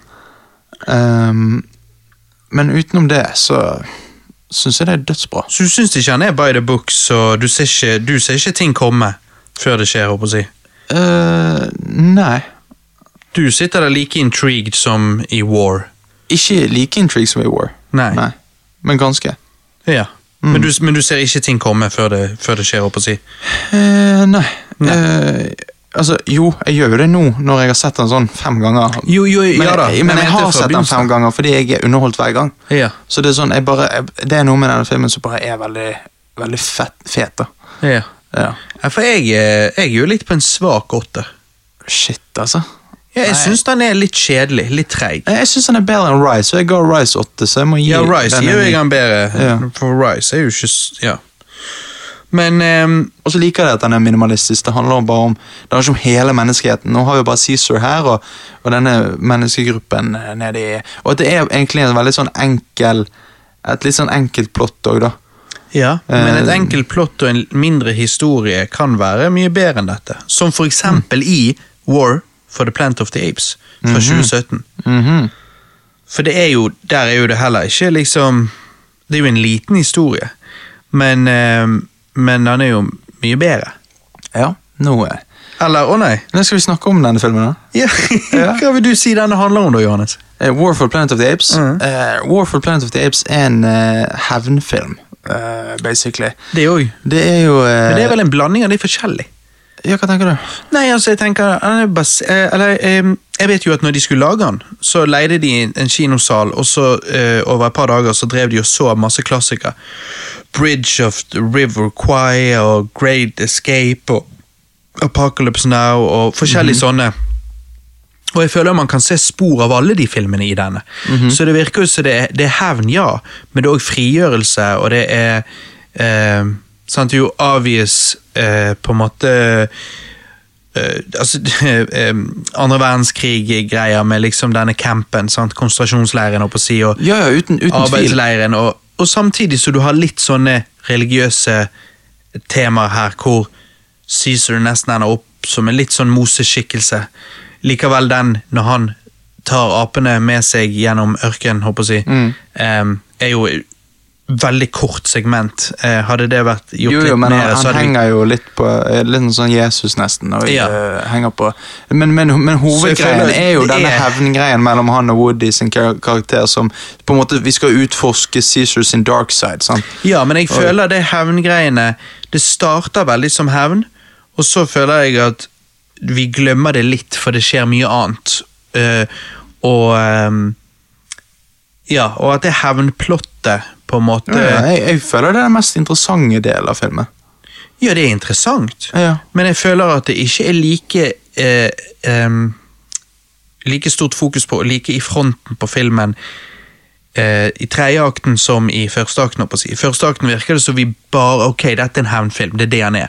Men så føler jeg at filmen blir mye annet òg. Og, Det har andre aspekter i seg, ja. men, men hovedhistorien jo, handler om hevn. Ja, det er det, ja, og det er det jeg sier, at det begynner som det. Men så føler jo jeg at vi glemmer litt, altså at historien sjøl glemmer litt at det er det vi det er det, det oh, ja, hele handler om. Du føler han glemmer det, så du føler ikke at det ikke var, at eh, Du føler at det ikke var meningen at de skulle på en måte glemme det? Uh, anførselstegn. Liksom. Um, jo, det kan jo hende, eller det vet jeg ikke. Nei, nei, det var nok ikke meningen sånn sett. Men det skjer så mye annet, og det er så mye annet som må inn i plottet her for å drive historien videre, um, at da blir det en eh, hevnfilm som ikke har eh, 100% fokus på det. Likevel det selges til deg i begynnelsen som at det er 100% fokus på det, og så ehm, og så eh, går det fokuset litt vekk på litt andre ting, og sånn, og så kommer vi tilbake på helt på slutten der. For det, når, når, vi da, når han da går inn og skal ta hevn på slutten, så er jeg litt sånn Å ja, ja, hevnplottet. Det har ikke vi fokusert på på en time, men det, er- ja, det er jo derfor vi er her. Ja, ok, ja, aha, oh. Hm. Nei, jeg, jeg bare jeg, jeg tenkte at det var hovedgreien hele tiden. Jeg. Ja. Jeg bare, men jeg, jeg, jeg ser alle de andre tingene du har nevnt òg. Ja. Men eh, for tingen her er jo at eh, Woody Harrelson, som spiller en slags sånn general sant, for eh, en av de siste menneskegruppene, sant? han har jo da reist til apene sitt territorium etter at de ble angrepet av noen soldater. Men eh, Caesar viste jo mercy til de eh, soldatene og sendte de tilbake igjen til Woody. Eh, så kommer han tilbake da og dreper konen og barnet til eh, Caesar. Ja, Så du nå- sier det rett ut, du. Hæ? Hva mener du? Nei da, det er jo helt fair, det. Hva mener du? Nei, jeg bare syns at den scenen er um, Altså, Jeg har skrevet her i notatene mine at 20 minutter ut i filmen skjer det sykeste ever. Det er nesten så jeg ikke vil si det engang. For jeg tenker at Hvis man ikke har sett denne filmen, så må man få det gjort. Eh, jeg trodde Koba var eh, bad i, var ond i den forrige filmen, men fy faen, Woody Harrelson er helt forferdelig. Han er en fantastisk skuespiller, men karakteren er fuckings evil, og jeg syns denne Altså, åpningen på filmen generelt sett er helt utrolig fantastisk actionsekvensen der og alt sånn, men denne hendelsen 20 minutter uti, måten den er, er gjort på, måten Cæsar kommer løpende, Woody Harrelson snur seg, og det er close-up-shot der med eh, Ja. waterfall i bakgrunnen, på å si.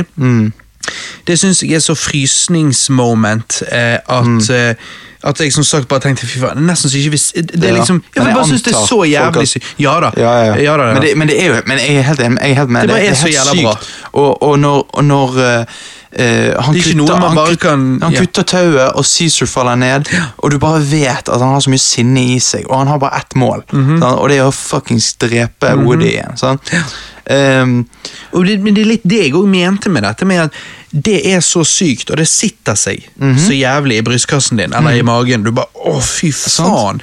Fy faen! Og du bare Du skjønner at nå klarer jo avviselig ikke Cæsar å se noe annet. Nei, nei, nei. Og, Um, og det er det jeg føler er, er tingen med War for the Planet of the Apes. Uh, det er at eh, eh, alle kan ha moraler og idealer, liksom, som de følger. Men til du har fått oppleve det sjøl, eller liksom opplevd urett mot deg sjøl, Ja. det er da du ikke vet hva du hadde gjort før du eh, Nei, følelsen tar jo Ja, ja. over. Følelsen tar jo over. Nettopp. sant? Og det er det vi alle hadde gjort.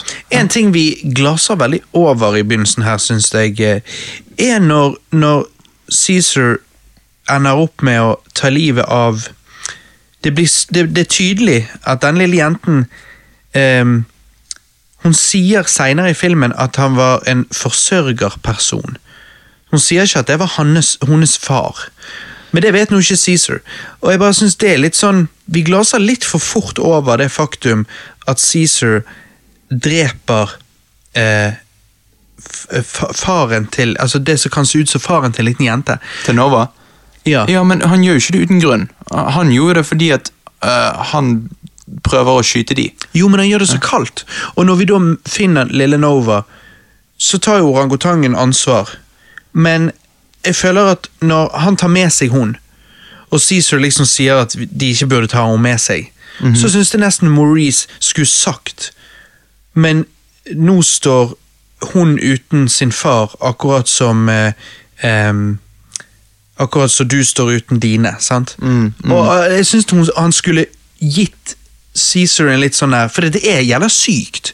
Det er sykt, Men men, jeg- Caesar er så fokusert, at, og, og da bare synes jeg det er rart at Maurice ikke nevner det. Så blir det liksom ikke nevnt, men, okay, men- men, det, det blir jo nevnt i handlingene. Men jeg bare Ja. er overrasket over at Maurice ikke, ikke konfronterer Caesar litt, liksom. det, ja, ja, men jeg bare sånn tenker at liksom Kanskje Caesar bare tenker at vet du hva, nå, det som må gjøres for at vi skal nå målet vårt, er bare å være iskald. For ellers, ellers, så, ellers Vi kan ikke riske å dø. Sant? Vi må i hvert fall spare det til the shit. Sant? Eh, så jeg kan forstå, og kanskje Maurice òg tenker det, sant? så jeg kan, forstå, jeg kan forstå det, liksom, men jeg har ikke tenkt på før egentlig at ja, shit, det der kunne jo vært faren til Nova. Ja, for jeg trodde Ja. jo først det var faren. Ja, men så sier hun at det bare var en forsørger. Ja, så, Ja. ja. så det vet jeg ikke. Nei. Men, um men ja, det er Men, men, men eh, ja, og så går de videre, sant? Og følger etter eh, militærbasen. Og eh, Hva syns du om disse her eh, For det synes jeg er kreativt, at noen av apene går til menneskesiden og jobber for menneskene. Som donkeys. Ja, og, og uh, først skjønte ikke jeg helt det. Nei. Men så skjønner du at ok, ja, det var de som støttet Koba. -hmm. Så de, de vet jo de ikke kan komme tilbake til Cæsar. Nettopp. Så det så gir jo det mening. Ja. Og den Og- brandingen de får. Ja, ja. Og det irriterende med Winter, er det den heter? Ja, den der Ja, albino-gorillaen. det er bare sånn åh, Ja, fy You fucking pussy. Jeg vet det. Jeg vet det. Men det, ja, det er han var jo ikke en Cobra-tilhenger, han bare Ja, ja. var en pussy. Jeg vet det, men til og med de um, De um, den- Denne ene gorilla-dankeen, sant? Ja. Han har jo en eh, character arc òg, og det er jo kult. Mm, og at de, eh, de har gitt den karakteren en ark. Men det er jo det, når vi snakker om disse apene altså, Her var CGI-en blitt mye bedre, syns jeg. Jeg syns CGI-en her er rett og slett helt fantastisk, og av og til um, Så ser det helt ekte ut. Ja, av og til er, er, er det sånn at jeg tenkte at effektene måtte være practical, men jeg, Jeg- jeg tror jeg alt er CGI. Jeg tror det, for det, det er noen shots her jeg tenker wow, det der ser ut som er fra Animal Planet, liksom. Mm. Altså at jeg, jeg, jeg ser på en ekte gorilla eller et eller annet sånt. Mm. Det er helt sykt. Det, er- det er veldig Ja, det er veldig Det er, sykt. veldig, det er deilig å se. Dette er jo den mest dystre filmen i franchiset. Denne filmen er sykt mørk, og jeg tror mange forventet noe annet med tanke på tittel. Jeg må sjøl si jeg syns tittel er litt rar. Jeg mener den forrige skulle jo egentlig hett War, og denne Dawn. Den forrige filmen var krig mellom apene og menneskene, mens denne filmen er det vi ser menneskene forvitre, miste taleevnen, og slutten viser jo en kjekk men med en liten begynnelse på det som senere gjør at det blir Plant of the Apes. Så på den måten så ser jeg ikke hvorfor ikke denne bare het Dawn of the Plant Burde- of the Apes, og den forrige het War. Burde det ikke vært uh, Rise, War og Revenge? Revenge for the Planet of the Apes. Jo, siden du mente det var bare en hevnfilm, så bør men det, det. du, du er helt, det, det er ikke bare en hevnfilm. Nei, det er det jeg vet. Det er en hevnfilm. Altså så det, Det med mange jeg... andre aspekter i seg, men hoved, hovedhistorien er at eh, Sisu skal ha hevn. For han har blitt Han har blitt uh, hurt på det sterkeste. Ja, ja. Mm. Og ja, det er jo eh, da en mørk og dyster film. Mm. Ehm, det eneste som gir filmen litt lys, er den utrolig likende apen som kaller seg sjøl for Bad Ape. For han er jo awesome. Han er awesome, men han er en risk. Altså, fy faen. Hadde han risk. ikke vært vittig, da hadde han dratt filmen litt ned. Men han er vittig. Han er konge, altså, jeg har lyst til å henge med han. Ja, jeg, Jeg digger han. Jeg har lyst til å bare, For han er så vittig. Han liksom har på seg en jakke hele tiden, og, Mhm. og lue og alt sånt. Og du bare får lyst til å liksom eh, gi han en øl og se hvordan han reagerer. sant? Men han er så koselig. Jeg Ja, har lyst til å klemme han. Ja, ja. Han bare åh, åh, liksom skal vise Og så når de sitter der, sant, eh, når de først har møtt han, og eh, Nova liksom fikler med et eller annet, sant, så liksom bare går han hele tiden bort og tar det fra og sier nei, og så sitter yeah. Han seg tilbake igjen. Og så til slutt sier han, når han vil de skal være med han. ja, så sier han så sier ok, han du greit. kan fortsette å holde på med den der. Ja. Han er helt konge. Mm. Men jeg eh, Ja, altså det er en del plotthull her og sånn, og jeg ga jo Rise 7, Dawn 8, men jeg må dessverre gi Warford Plant of the Apes 6 av 10. Jeg syns liksom at Nei, nei, nei, hæ? Hæ? Hæ, kødder du? Ja. I helsike! Jeg syns denne filmen er fantastisk. Ja. Som sagt, jeg ga Rise 7, Dawn 8, og jeg gir War for the Planet of the Apes 9 av 10. Okay. Kanskje til og med en sterk 9 av 10, faktisk. Mm. Jeg syns denne trilogien bare blir bedre og bedre for hver film, Mm. og på grunn av det får jeg litt lyst på enda en, altså.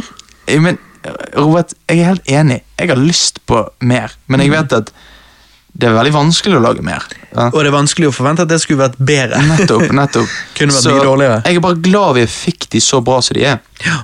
Jeg gir uh, War for Planet of the Apes 10 av 10. Eh, jeg syns dette er bedre enn originalen. Jeg synes det er den beste filmen i franchisen. Mm. For det er, han er altså ikke bare en episk, men han er, også, han er ikke redd for å være tragisk, og det liker jeg. Ja. Du vet hvordan jeg liker sånn. Og så liker jeg uh, Jeg liker at altså actionscenen på slutten, får ikke du frysninger når Cecil skal løpe ut av eh, militærbasen, så blir han skutt med denne pilen, og så ser Donkeyen det, sant?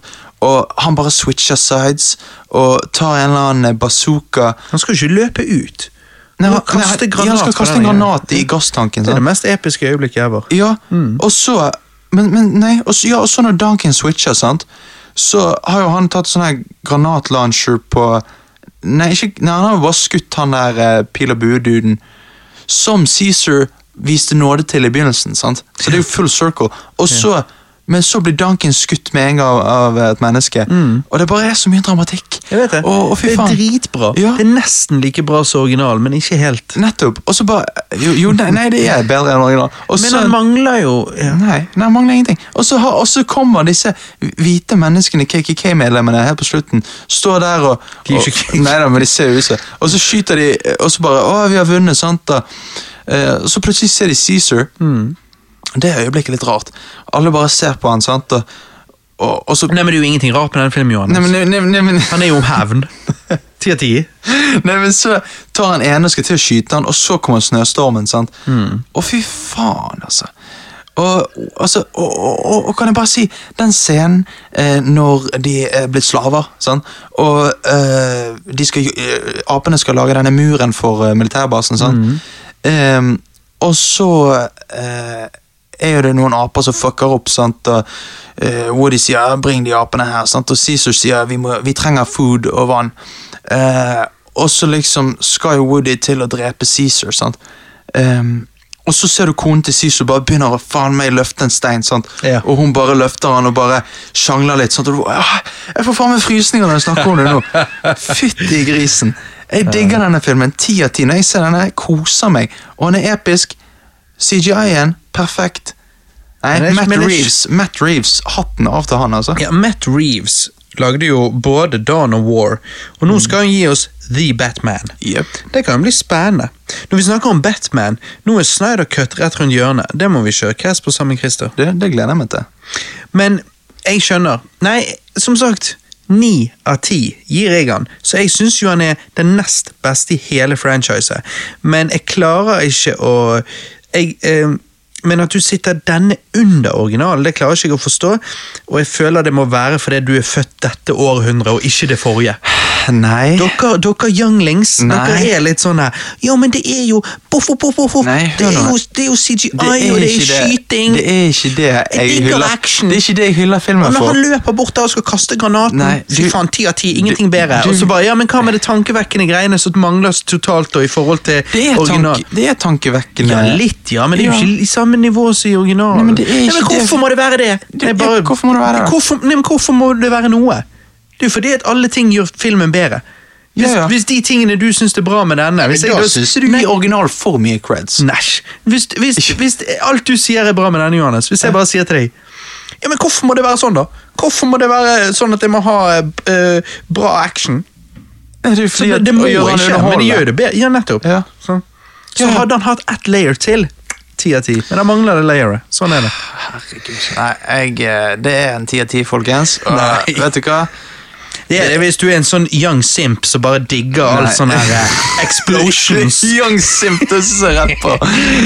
Young Simp on the mic. Nei da, jeg tuller. Altså, jeg, jeg sier jo det, jeg ga ni av ti, men jeg bare Ja. Han har ikke Jeg syns, jeg syns originalen fortjener litt mer respekt av eh, dere jyplinger. Men sånn er det. Jeg, jeg synes at folk bør, ville vi gamle menn alltid synes. Folk vil, bør gå tilbake til originalen og se den, men eh, man, kan ikke, eh, man kan ikke være blind og, og, og ikke se at War en fuckings perfekt film. Det eneste er at du må kjempe deg gjennom Rise, og så må du eh, ikke sovne gjennom Dawn. Oh, mens med den originale du mens, mens den originale, den er jo bare én en enkel historie. Du kan bare se den.